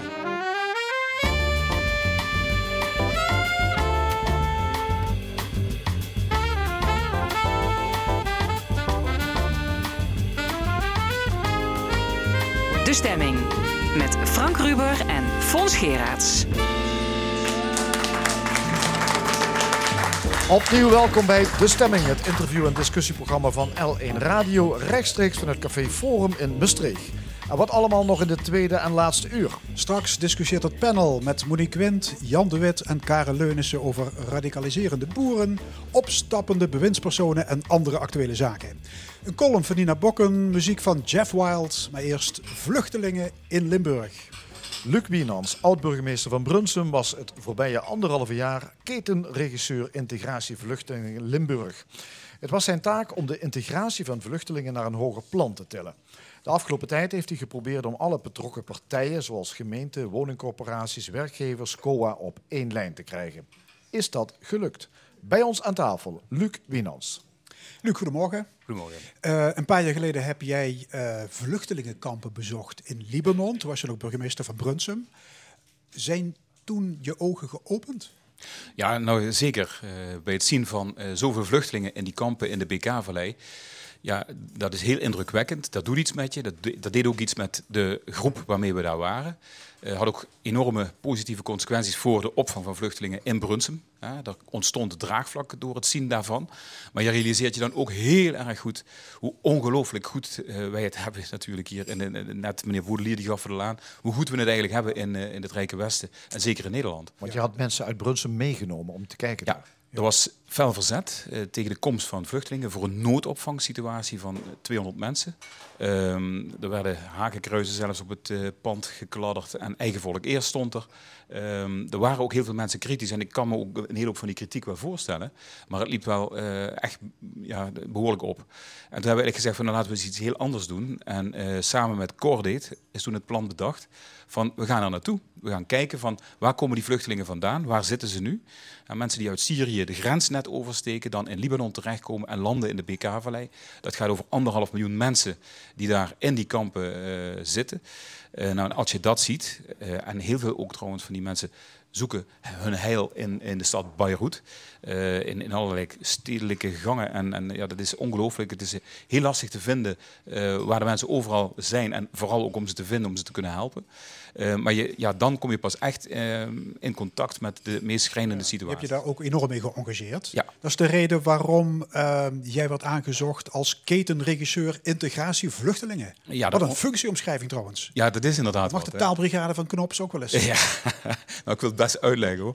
Ehm, want het is op zich best een logische term. Eh, in, in de, als vluchtelingen naar Nederland komen, eh, als ze landen in een regio, dan komen ze met alles en nog wat in aanraking. Mensen moeten een huis hebben. De bedoeling is dat ze eh, onderwijs eh, kunnen krijgen om de taal te leren, maar ook om fatsoenlijk te kunnen inburgeren. Mensen moeten wonen, mensen moeten soms naar de zorg, sportdeelname, cultuurdeelname. We willen eigenlijk op alle fronten zorgen dat mensen integreren. Vandaar het woord keten.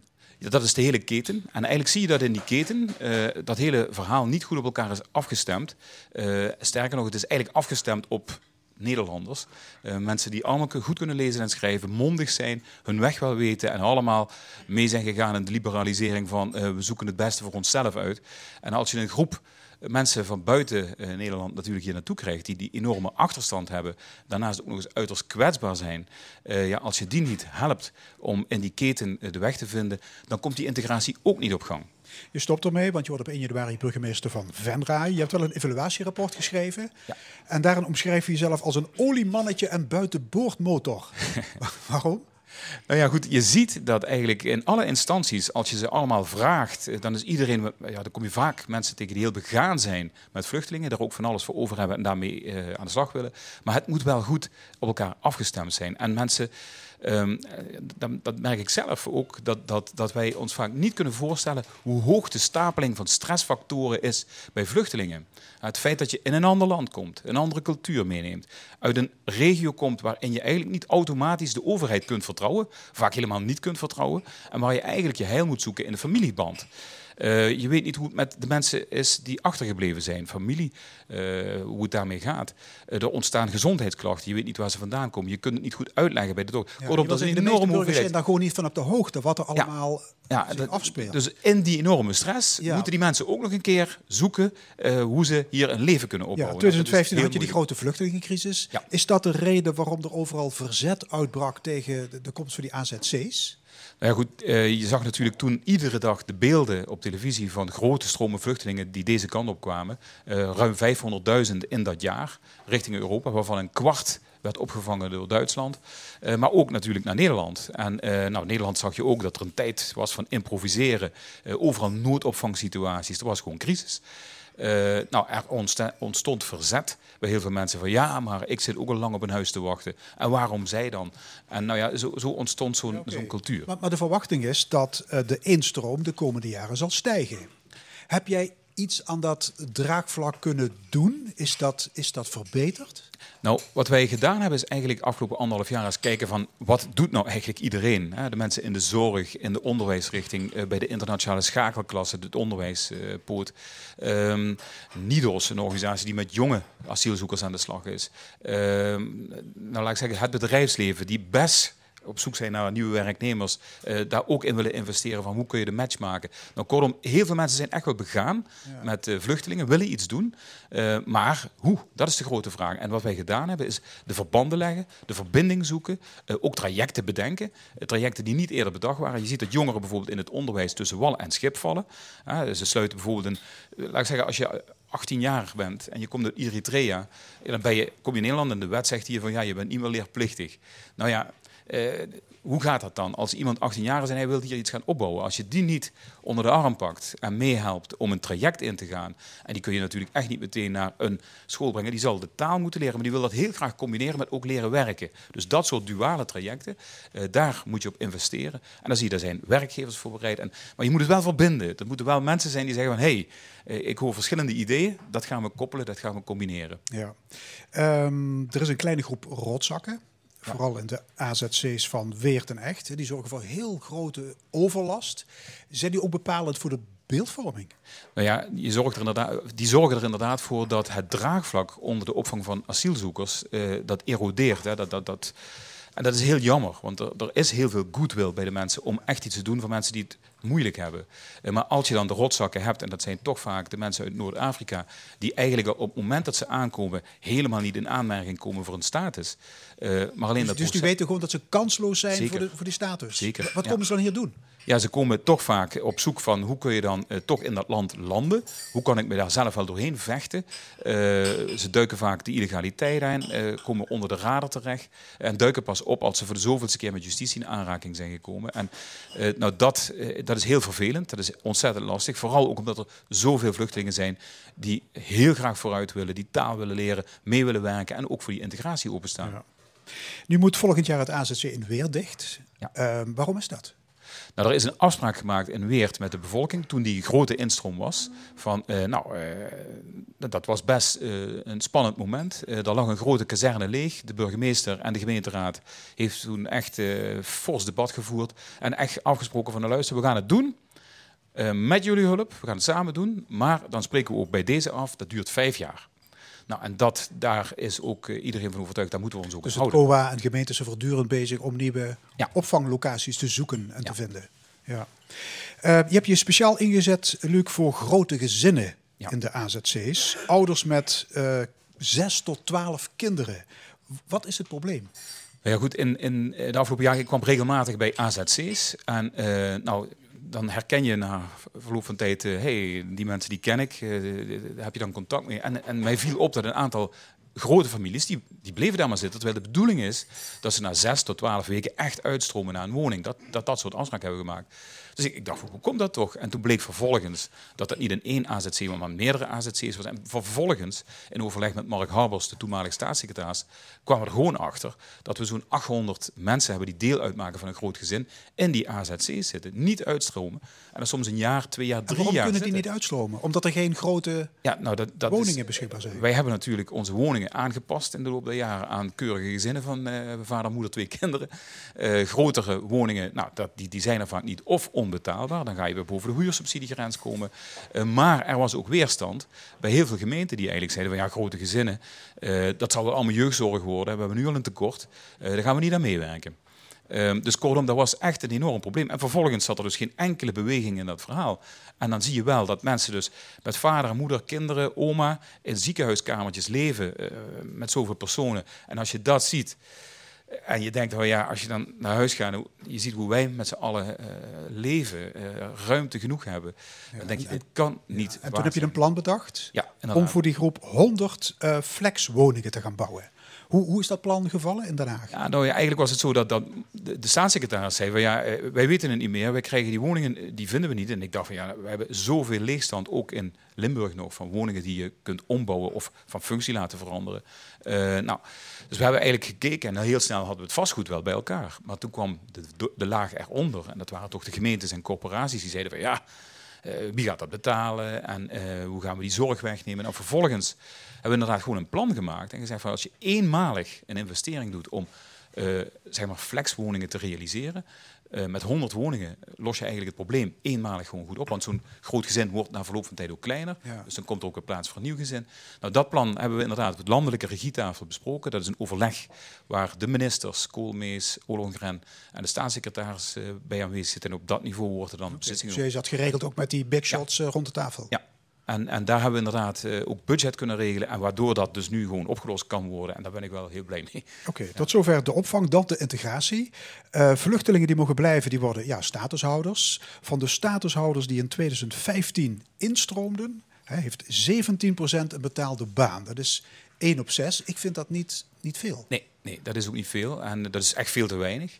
Eh, wat wel belangrijk is om je te realiseren dat het draagvlak bij de mensen die de route nog aan het gaan zijn, heel groot is om wel degelijk aan de slag te gaan. Eh, er is toch bij heel veel mensen, ik gaf dat net al een beetje aan, van eh, niet zozeer dat de overheid voor je moet zorgen, maar ehm, eh, de familie moet voor je zorgen en je moet ook vooral voor jezelf zorgen. Dus er is een grote drive en een grote wil bij veel vluchtelingen om je eigen brood te verdienen, om er echt voor te gaan. Eh, dat betekent dat ze heel veel stressfactoren langzaam moeten af kunnen bouwen, eh, dat ze dat kwijt, eh, dat, ja, dat ze dat kwijtraken en dat ze ruimte krijgen voor dat werk. En daar is gewoon maatwerk voor nodig en dat is het Ja, allerbelangrijkste. d- daar pleit jij voor, voor een Ja. persoonlijk integratieplan, een Ja. PIP. Voor iedere statushouder. Ja, dat is, dat, is dat realistisch? Bedoel, Dan heb je toch een leger ambtenaren nodig? Nee, nee, nee. nee. Eigenlijk, eigenlijk is het nu zo. We hebben nu een in, inburgeringswet. Die is in 2013 door de Kamer gegaan. Dat was nog op een moment dat we dachten, nou, laten we eens flink bezuinigen. Niet, Ja, eh, die is een flutwet, die functioneert niet. Een, flutwet. Ja. Een ramp. Er komt ons in financieel 2021 een nieuwe. Ja. En, eh, en eigenlijk zit iedere gemeente te hunkeren en, en, en die wil die wet liefst morgen invoeren. En dat betekent dat je veel minder geld ziet wegstromen naar allerlei ja, bedrijfjes, organisaties die eigenlijk uiteindelijk geen resultaat boeken. Je zorgt ook dat je de regie niet in hand legt van de vluchteling, maar echt van gemeentes. Gemeentes hebben namelijk veel beter het beeld eh, van hoe je dat integraal kunt aanpakken, kunnen gezamenlijk inkopen eh, en kunnen veel beter schakelen tussen die partners in de keten, tussen wonen, werken en onderwijs. Ja. Ja, dus, dus dat is, de nieuwe inburgeringswet is een grote stap vooruit. En dat betekent voor iedere vluchteling inderdaad een persoonlijk eh, ontwikkelingsplan. Je hebt als ketenregisseur ja, veel gesprekken gevoerd met vluchtelingen. Wat is je daarvan bijgebleven? Nou, wat mij zo opvalt is dat we echt met zoveel mensen met heel veel goede wil van alles willen veranderen voor vluchtelingen. Eh, maar we werken nog te weinig eh, vanuit de vraag van de vluchteling. We blijven heel erg aanbodgericht als overheid. Zo zijn wij gewoon georganiseerd. En, eh, en wij laten het maar allemaal zien. Kijk eens, u heeft daar toch een brief voor gekregen. En u heeft toch dit en u heeft toch dat. Ja, de samenhang van al datgene wat wij willen als Nederlandse organisaties. eh, of het nou de Belastingdienst is of de zorgsector of wat dan ook. Ja, dat is voor een vluchteling, dat overzicht, dat is heel moeilijk te krijgen. Dus het betekent inderdaad eh, maatwerk leveren. Dat is eigenlijk, daar, daar, daar zit de kracht in. Ja, en ook hoe meer communicatie met de nieuwkomer, hoe, hoe beter het begrip? Ja, ik, ik denk inderdaad eh, veel meer luisteren naar wat hun echt mankeert. En dan heb ik het met name over de doelgroep ook jonge mensen. Want er zijn heel veel jonge vluchtelingen. Eh, Uit de totale groep van de 70 miljoen vluchtelingen wereldwijd is een, het allergrootste deel zijn jonge mensen. Eh, dat zie je ook in Nederland. En juist die groep is hartstikke kwetsbaar. Heel erg makkelijk benaderbaar voor de criminele verkeerde wereld. En daar moeten wij enorm op in, inzetten. En je ziet dat zo'n organisatie als NIDOS, nou, die zorgen voor die groep totdat ze 18 jaar zijn. En dan staat dat in onze wet, dan hoeft het ineens niet meer. Maar het is natuurlijk volstrekt idioot als je je voorstelt, dat, dat zijn jongvolwassen mensen die ook nog eens vaak in, met hun puberale problemen zitten. En dan ook nog eens die stapeling van die andere problemen. Dus ja, de kwetsbaarheid is enorm groot. En dat is wel heel belangrijk dat we daar met z'n allen met nog meer zorg aandacht aan besteden, dat die groep niet tussen wal en schip valt. Ja. Blijft eh, de functie bestaan? Is er al een nieuwe ketenregisseur Ja, bekend? we hebben eh, het zo bedacht. Eh, er wordt vanuit de provincie en vanuit de gemeentelijke organisatie, de samenwerking van provincie en VLG, om eh, ja, ambtelijke inzet daarop te leveren om die inburgeringswet goed te laten landen. En vanuit de provincie, dat is Ger Koopmans, die dat in zijn portefeuille heeft als migratie.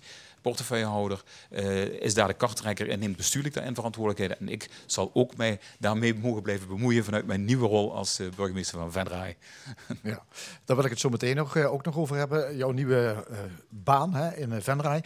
Maar je bent in het afgelopen jaar ben je ook ad interim voorzitter geweest van de Raad van Toezicht van Topsport Limburg. Dat is een organisatie die inmiddels failliet is.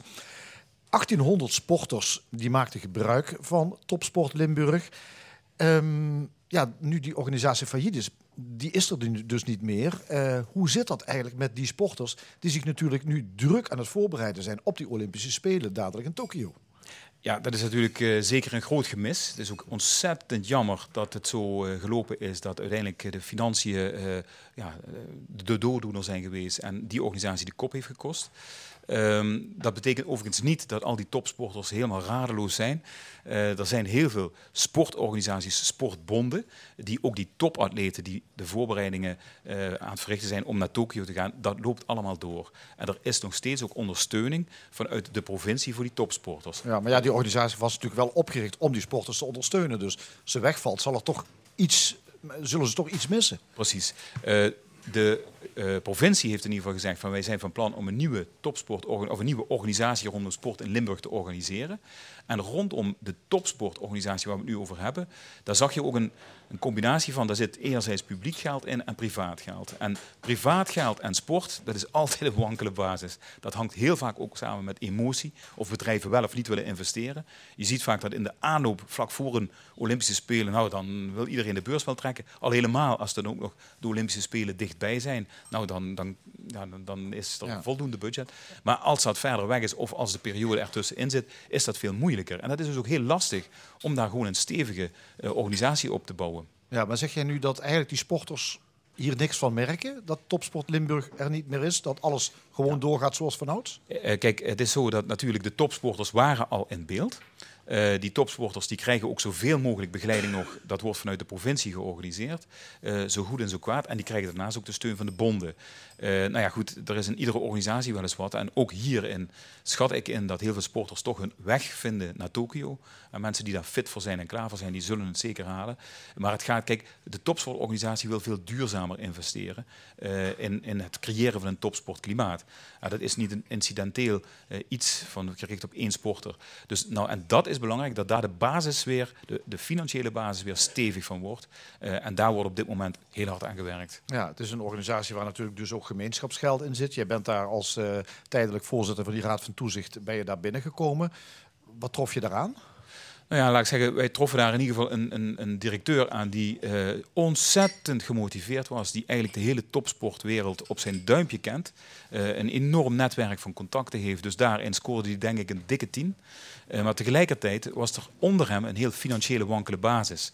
Eh, en, en is het hem wel heel veel jaren gelukt om daarin goed te kunnen excelleren. Maar dat was financieel wanbeleid dus. Uite- uiteindelijk, kijk, op het moment als je eh, de boeken openslaat en je ziet dat er ineens geen budget is om de salarissen te betalen, eh, en je gaat dan dieper graven en je komt er toch heel gauw achter van ja jongens, eh, er is eigenlijk een veel groter financieel probleem. Nou, ook- pensioenpremies betaald bijvoorbeeld. ja, kijk, en, en daar kom je dan achter als je daar als interim-voorzitter eh, mee aan de slag gaat. En dan is dat schrikken.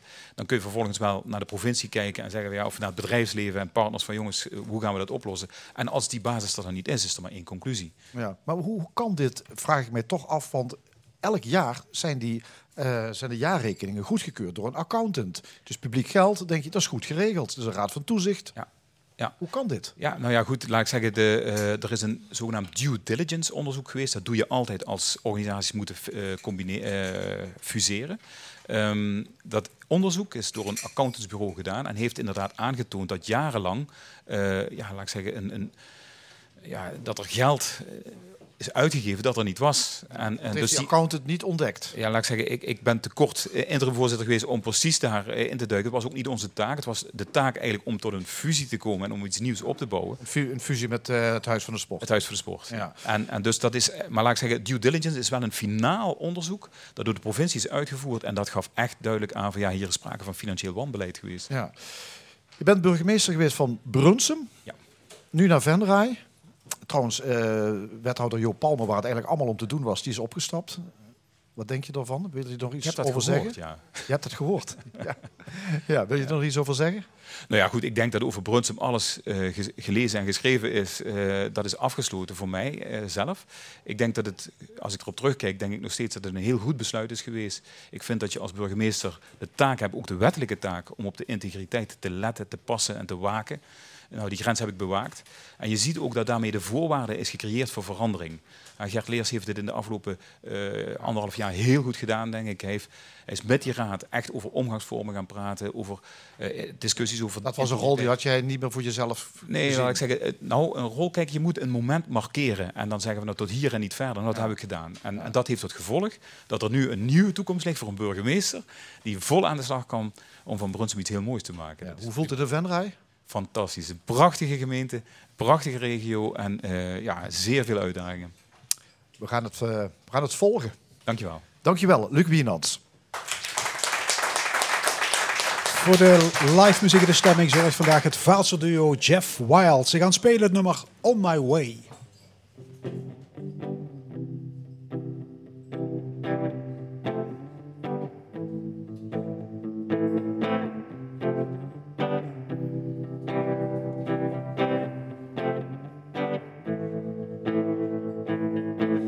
Tripping through the states. About time I catch a break. Darling, lately I've been waiting for everything. Yeah, it seems to amaze me what a mind can do. But I got my baby. Oh, she can pull me through.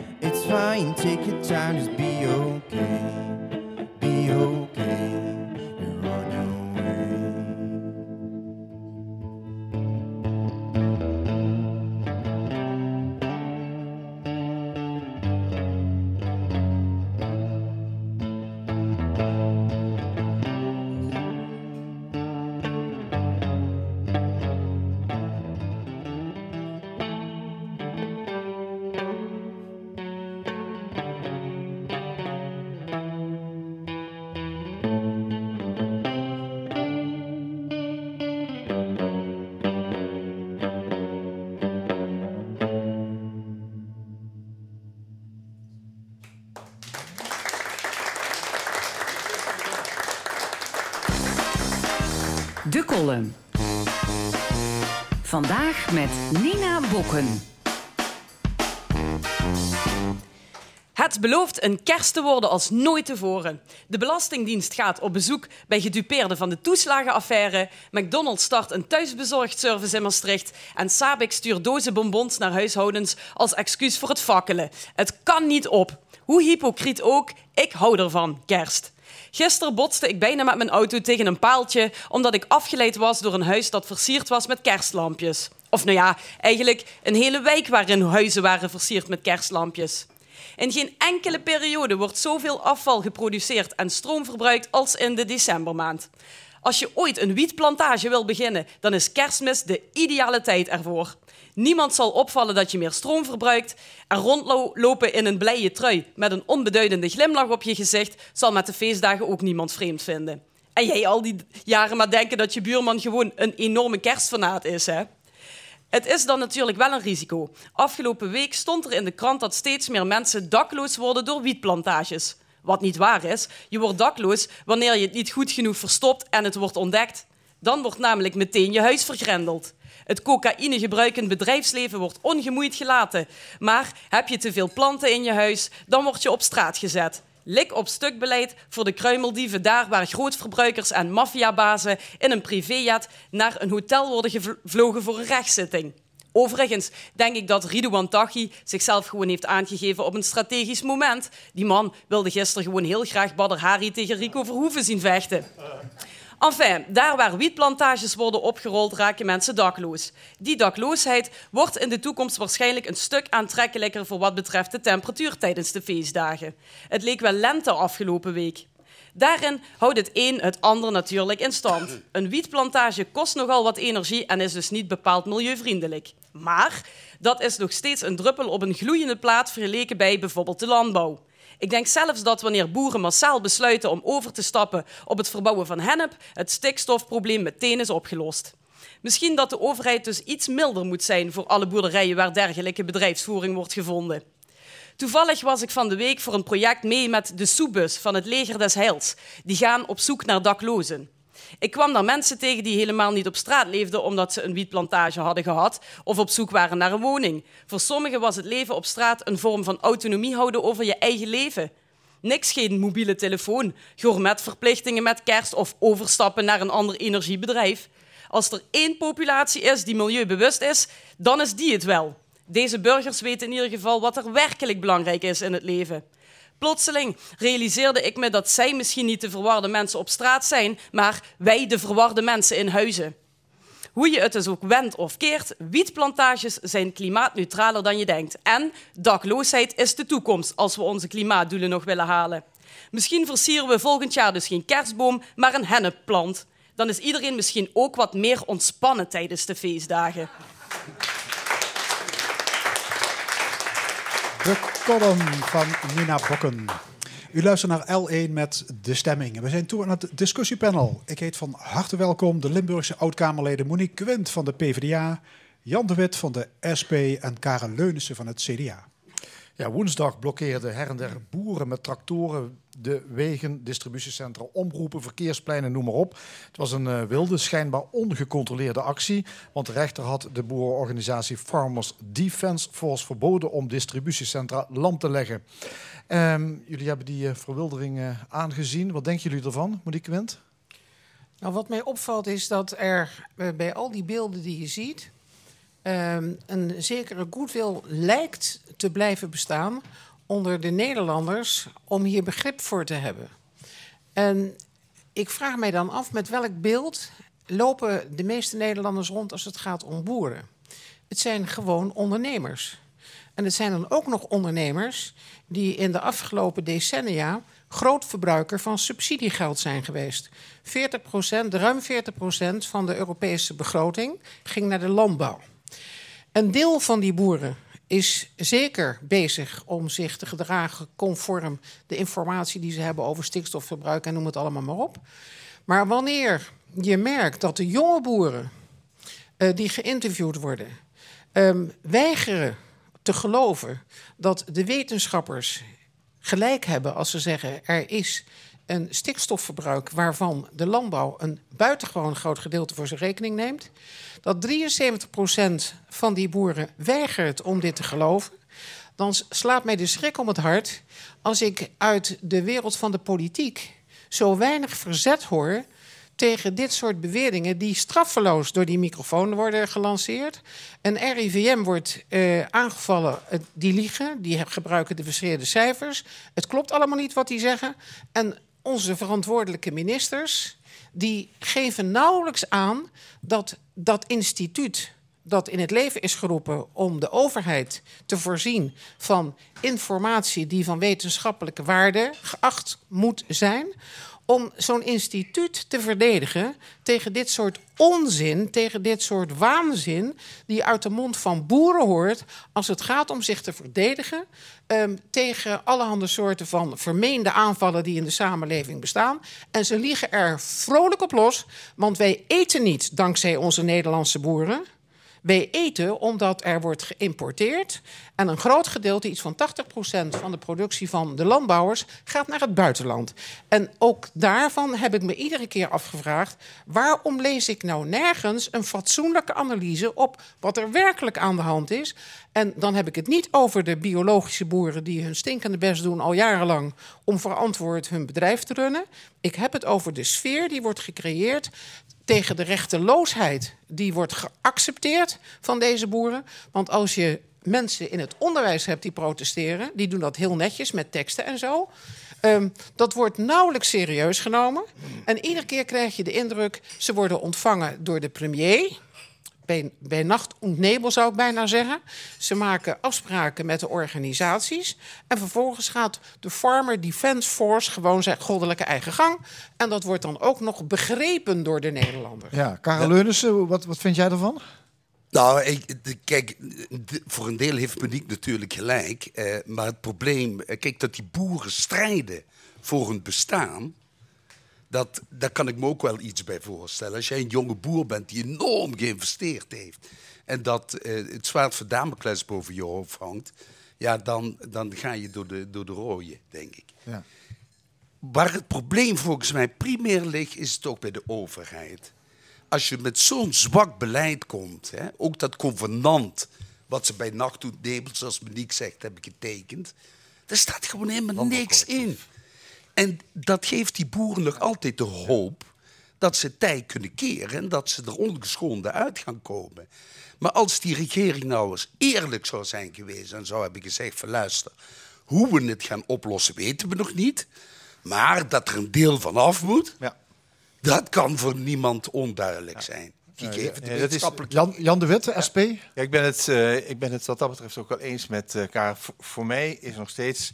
ehm, een groot deel van de boeren beschouwt zich slachtoffer van, van dat overheidsbeleid. En daar zit dus een heel groot probleem. Dat dus eerst die boeren allemaal maar eh, grootschaliger moesten worden. Grotere eh, stallen, nog meer vee, nog grotere megastallen eh, moesten gaan bouwen. Dat is ook door de overheid gestimuleerd zelfs. Het is door de banken min of meer afgedwongen. Dus die boeren hebben enorm geïnvesteerd, een groot aantal. En nu worden ze opeens geconfronteerd met dat met, die, met, met het verhaal rond de, de stikstof en het feit dat eh, er dus ingrijpend moet worden opgetreden. En daar zit ook een fout bij de overheid, omdat dat veel te wankel is. Veel te wankelmoedig. Er wordt niet uitgegaan van hoe gaan we dit nu een keer oplossen en hoe gaan we dat met een groot, eh, groot plan eh, doen. En dat is volgens mij wat er, wat er aan de hand is, waardoor de boeren zich toch gemangeld voelen. En dan krijg je, nou ja, ik weet niet of je de, de, de column hebt gelezen van... ehm Sheila Sitalsing in de Volkskrant van gisteren. En die heeft het over het primaat van de grote bek. En dat is, dat is, dat is eigenlijk een beetje wat nu eh, gebeurt. Dat is een bepaald gedeelte van de boeren die eh, geloven niet dat er een stikstofprobleem is. Die vinden alleen dat zij gelijk hebben. En die vinden ook nog dat de politiek eh, naar hen moet luisteren. Want dat is, ja, we zijn in Den Haag geweest en ze hebben niet geluisterd. Ja, zo ken ik er nog wel een paar. Eh, kijk maar in de zorg, kijk maar naar het onderwijs, kijk maar naar alle eh, sectoren in de samenleving waar problemen zijn. Zij zullen ook een onderdeel moeten zijn van de oplossing en niet van zoals wij het willen, zo zal het gebeuren. Ja, er is weinig geloof eh, of weinig vertrouwen in de politiek. Geen vertrouwen in de media, maar ook niet in de rechterlijke macht. Hè? Want ik eh, lees ook dat eh, eh, Farmers Defence Force zegt van ehm, we mogen niet demonstreren, we mogen geen distributiecentra lam leggen.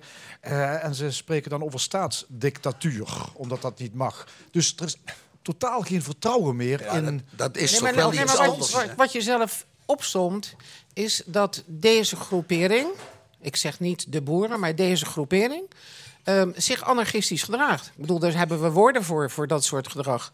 En ehm, wat ik het trieste vind aan wat je op dit moment rond die boerenkwestie ziet, eh, nogmaals. ik ga zeker niet verdedigen dat de overheid geen schuld heeft en de politiek geen schuld heeft. Maar diezelfde politiek heeft voor meerdere sectoren ongelooflijk veel eh, boter op zijn hoofd. Eh, dat men niet geluisterd heeft naar deskundigen om tekorten op te lossen in de zorg en in het onderwijs. Eh, Je, ik bedoel, je kan ze op dit moment opsommen. Meneer Snel wordt aan een klus gezet waarvan komen we alle... zo meteen op. Hè? Ja. Nee, maar, nee, maar Ja. ik bedoel, het gaat om... Ja. Er is aan alle kanten gewaarschuwd.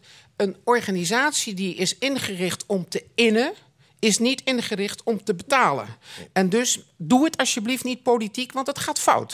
Dan zijn, doen we zijn, het toch. zijn deze acties van de boeren, is dit het begin van een boerenrevolutie? Of zijn het de laatste stuiptrekkingen van een agrarische beweging? Nou. Nee, nou, de- de- eh, het lijkt soms alsof er in Nederland bijna eh, dat er een soort revolutionaire stemming eh, in Nederland ontstaat. Als je kijkt naar het grote verzet dat eh, in de bouw, bij de boeren, in het onderwijs, bij de politie, in de zorg. Al die sectoren hebben enorme problemen en het enige dat de overheid dan steeds zegt is: wij hebben geen geld en wij hebben de oplossing niet. En daar zit natuurlijk wel een heel groot, eh, heel groot eh, probleem. Nou, ik denk als er niet snel meer duidelijkheid ontstaat over wat die boeren nu moeten gaan inleveren. in het kader van de oplossing van het stikstofprobleem. dat dat nog lang zal re- zich rekken. Met name die Farmers Defence Force. die zullen wel stevig blijven optreden. Maar ja, goed, dat heb je ook in, in Frankrijk. Als je naar die gele hesjesproblematiek kijkt, dat blijft ook duren. Du moment dat je dat probleem niet oplost die- en geen duidelijkheid schept, waar, waar voor iedereen duidelijk is wat er moet gebeuren, ja, dan blijft dat aanzeuren. Ja, maar dat, maar, maar, dat, maar dat betekent dat je op dit moment in West-Europa te maken hebt met de consequenties van beleid op alle niveaus. Nationaal en Europees is er decennia lang gezegd dat de landbouwsector de cruciale economische kurk is waarop we met z'n allen drijven.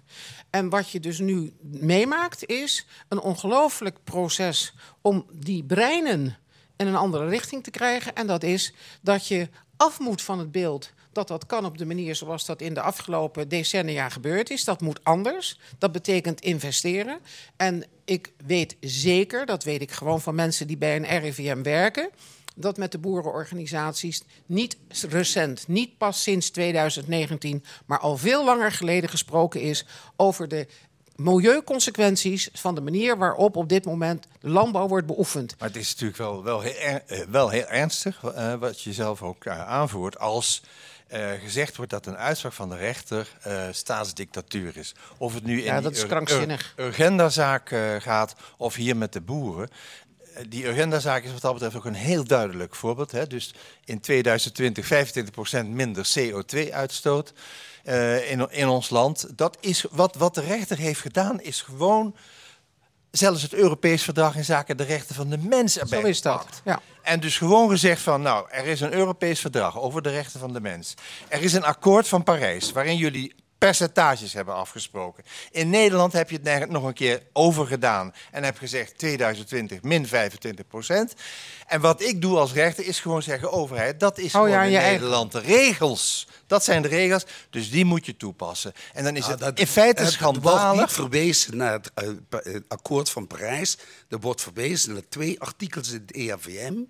En dat is Nee, het eh, de gezondheid van de mens en de bestaansrecht van de mens. En, en, en twee hele wijd te interpreteren artikels die van toepassing Ja, zijn maar op die uitspraak. die maar de essentie. Karel, Maar is- volgens mij gaan we nu af van het onderwerp. Ja, dat is waar. We gaan naar een ander thema. Het kinderopvangtoeslag debakel heeft staatssecretaris, staatssecretaris Snel dan toch eh, de kop gekost.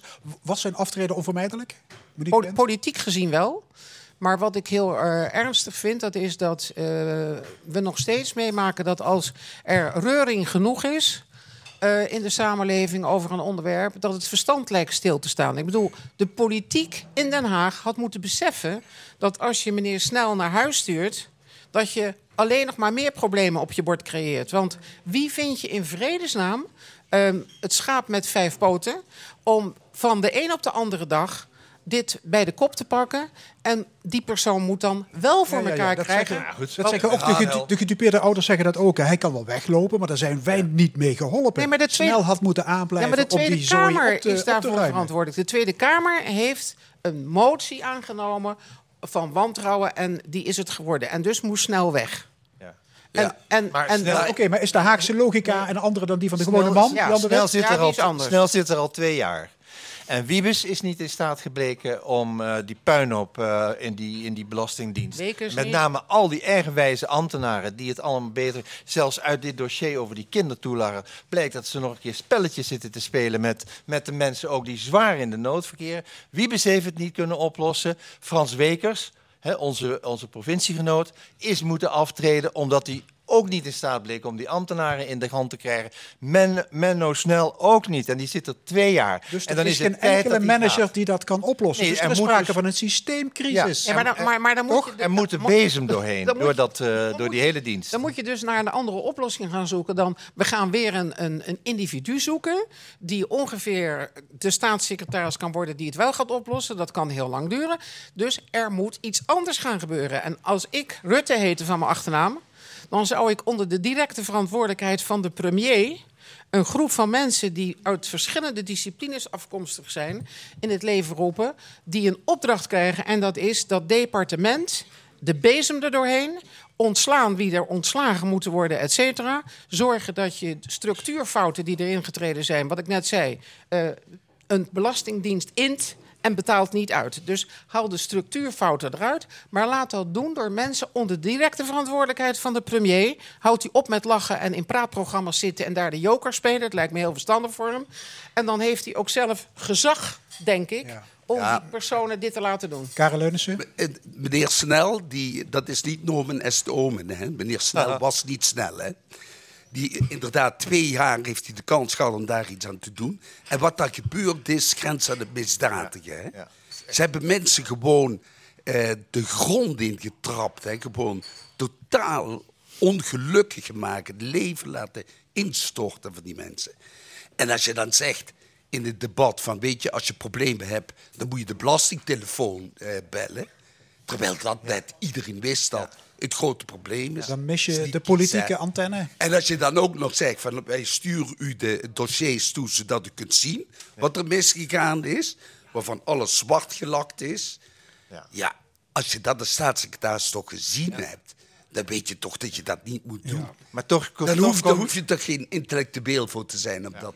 Maar dat, die meneer Snel, die, die zou het wellicht op termijn hebben kunnen verbeteren, maar er zit geen diepgang in. Dat is zoals Monique zei. Oké, maar Monique had het net over structuurfouten. En dan moet de koppen rollen. Maar kijk ook naar de stikstof. Kijk, stikstof. Kijk naar PFAS. Problemen bij CBR, bij de UWV. Er zijn meer overheidsdomeinen waar het piept en Ja, dat is heel ernstig. Justitie ook. Justitie krijgt nu ook een nieuwe, Ja. eh, nieuwe baas. Is Maar- toch verschrikkelijk? Kijk, het, het, Was het, van het de- punt is wel, je moet ook eh, niet vergeten dat eh Wiebes heeft dus in zijn tijd bij die Belastingdienst een hele aantrekkelijke eh, pensioenregeling in het leven. De top, laten we zeggen, de topkwaliteit. Die jongens, ik bekijk het eh, hier. eh, ik ben weg hier. Dus er is een hele grote, meer dan überhaupt berekend of verwacht. Die mensen zijn weggegaan. Dus er zit wat dat betreft een enorme gat daar, eh, qua kwaliteit eh, betreft. Dus er moet gewoon eh, rigoureus. En, en eerlijk gezegd, we komen bij, aan deze tafel ook. Kom bij herhaling komen we altijd toch ook weer uit bij Rutte. Ik weet niet hoe het, hoe het precies werkt, maar Rutte die gaat nu met Hoekstra gaan ze gedupeerden eh, bezoeken. Nu pas. Nu pas. En, en ik zou, als je aan Rutte vraagt, van, wat heb je nou gedaan met Menno? Ja, ik, ja, hij belt mij af en toe en ik, ik, ik sta achter hem en ik sta voor hem en noem maar op. En eh, hij doet dus gewoon niks. Terwijl ik zou moeten zeggen, kom Menno, en nou de beuk erin. En nou gaan we dat aanpakken. Ja. Maar dat, het gebeurt kennelijk niet. En achteraf gaat hij nu een mooie sier maken door bij Ja, de maar, mensen maar onder de kerst. Maar- nee, sterker nog, het snel is- zegt, iedereen weet dat er nog meer incidenten zullen komen Nee, bij de Belastingdienst. Maar, maar, maar dat, dat is bedoel- namelijk waarom het zo'n drama is. De top van financiën. Daar wordt al jaren over geschreven en gesproken. En dat is net als bij justitie. Daar zitten mensen die zijn op geen enkele wijze bereid om mee te denken met de politieke consequenties van wat ze doen.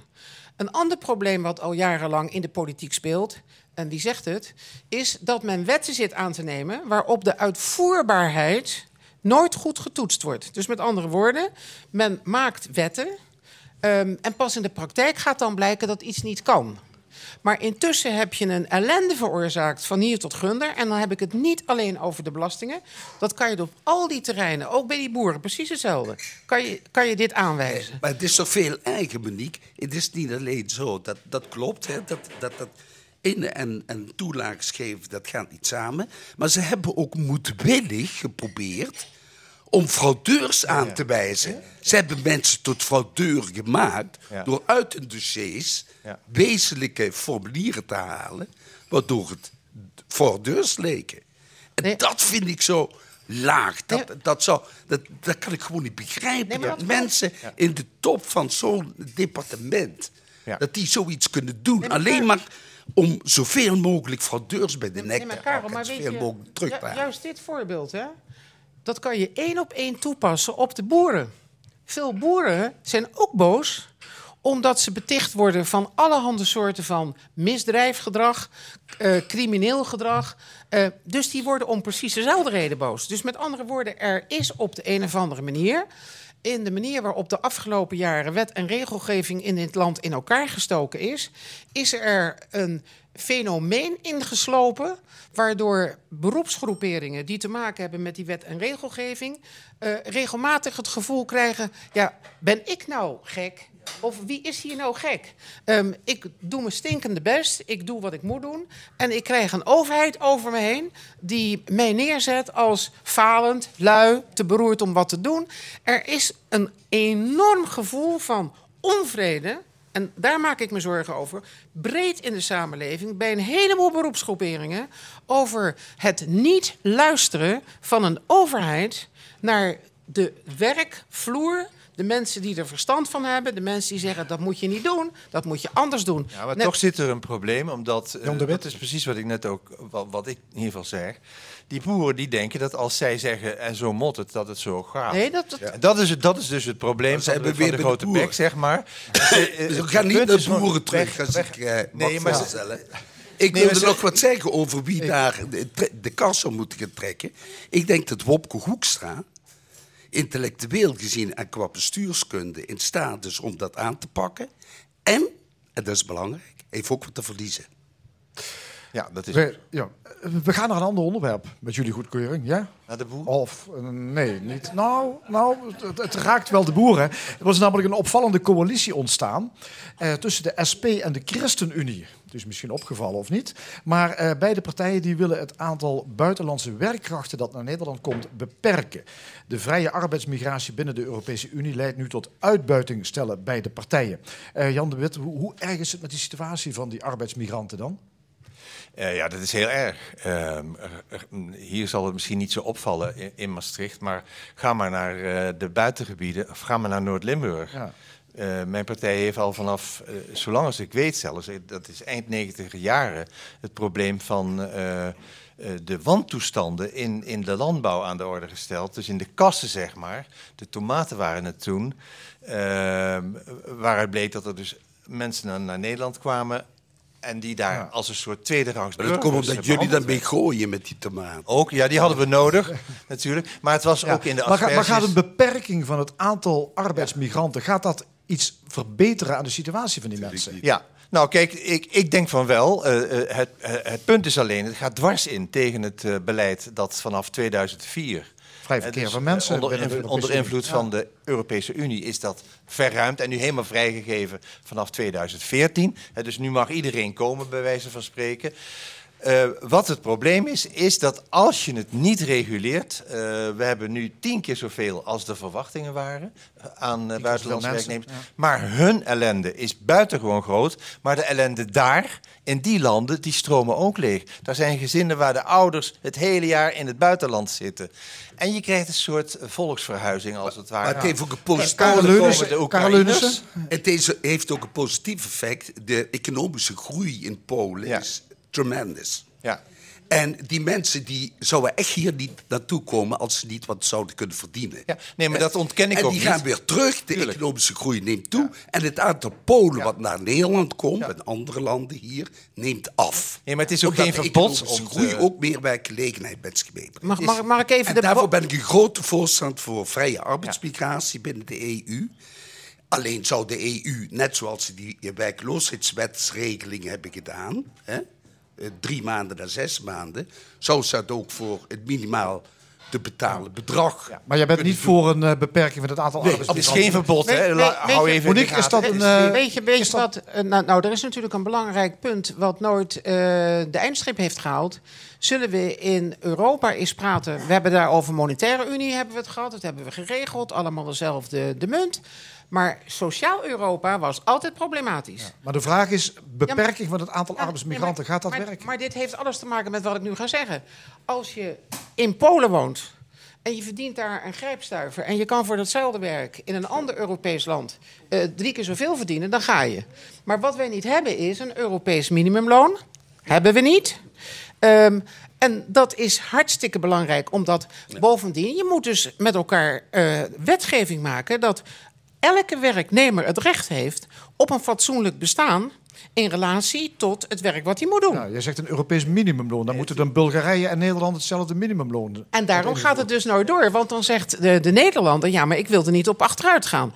De werkgevers blijven aan alle kanten profiteren... van deze ongelofelijke situatie. Want die betalen die mensen slecht. Als je naar kijkt hoe die mensen eraan toe zijn... hoe die leven, dat is vreselijk. Je Ja, schaamt de je kapot. beroepsbevolking krimpt toch ook? We hebben die mensen toch ook nodig, Jan de Wet? Ja, maar- hebben die Die mensen, werkers? Wij hebben eh, wat dat betreft die mensen nodig. En dat is ook al jaren zo. En het is ook al, zeg maar voor 2004, kon je ook als buitenlander hier komen werken. Eh, wat, wat, wat, zeg maar, die problemen die nu gesignaleerd worden over... eh, zeg maar de arbeidsomstandigheden, woning, slechte zo woning, oud. enzovoort. Die kun je allemaal aanpakken op het moment dat je zegt... oké, Pietje Purk die wil een eh, tien eh, buitenlandse werknemers. Nou, Oké, dat gaan we doen. Maar dan moeten ze wel het minimumloon... dat nemen we dus als voorwaarde op. Minimumloon betalen en een fatsoenlijke huisvesting. En gewoon normale arbeidsomstandigheden voor iedereen. Dank jullie wel, boomers. Monique Wind, Oh ja. Jan de Wit en Karel Leunissen. Dank jullie zeer. Dit was de stemming vandaag gemaakt door Ben Balg, Angel Zwarts, Maurice Hartgering, Fons Geraerts en Frank Ruber. Dit programma wordt herhaald maandagavond om 8 uur en is ook terug te luisteren op onze site l1.nl via podcast en Spotify, de stemming L1. We houden een eh, korte winterstop en daarom zijn we de komende twee keer niet. Mooie feestdagen en tot zondag 12 januari 2020.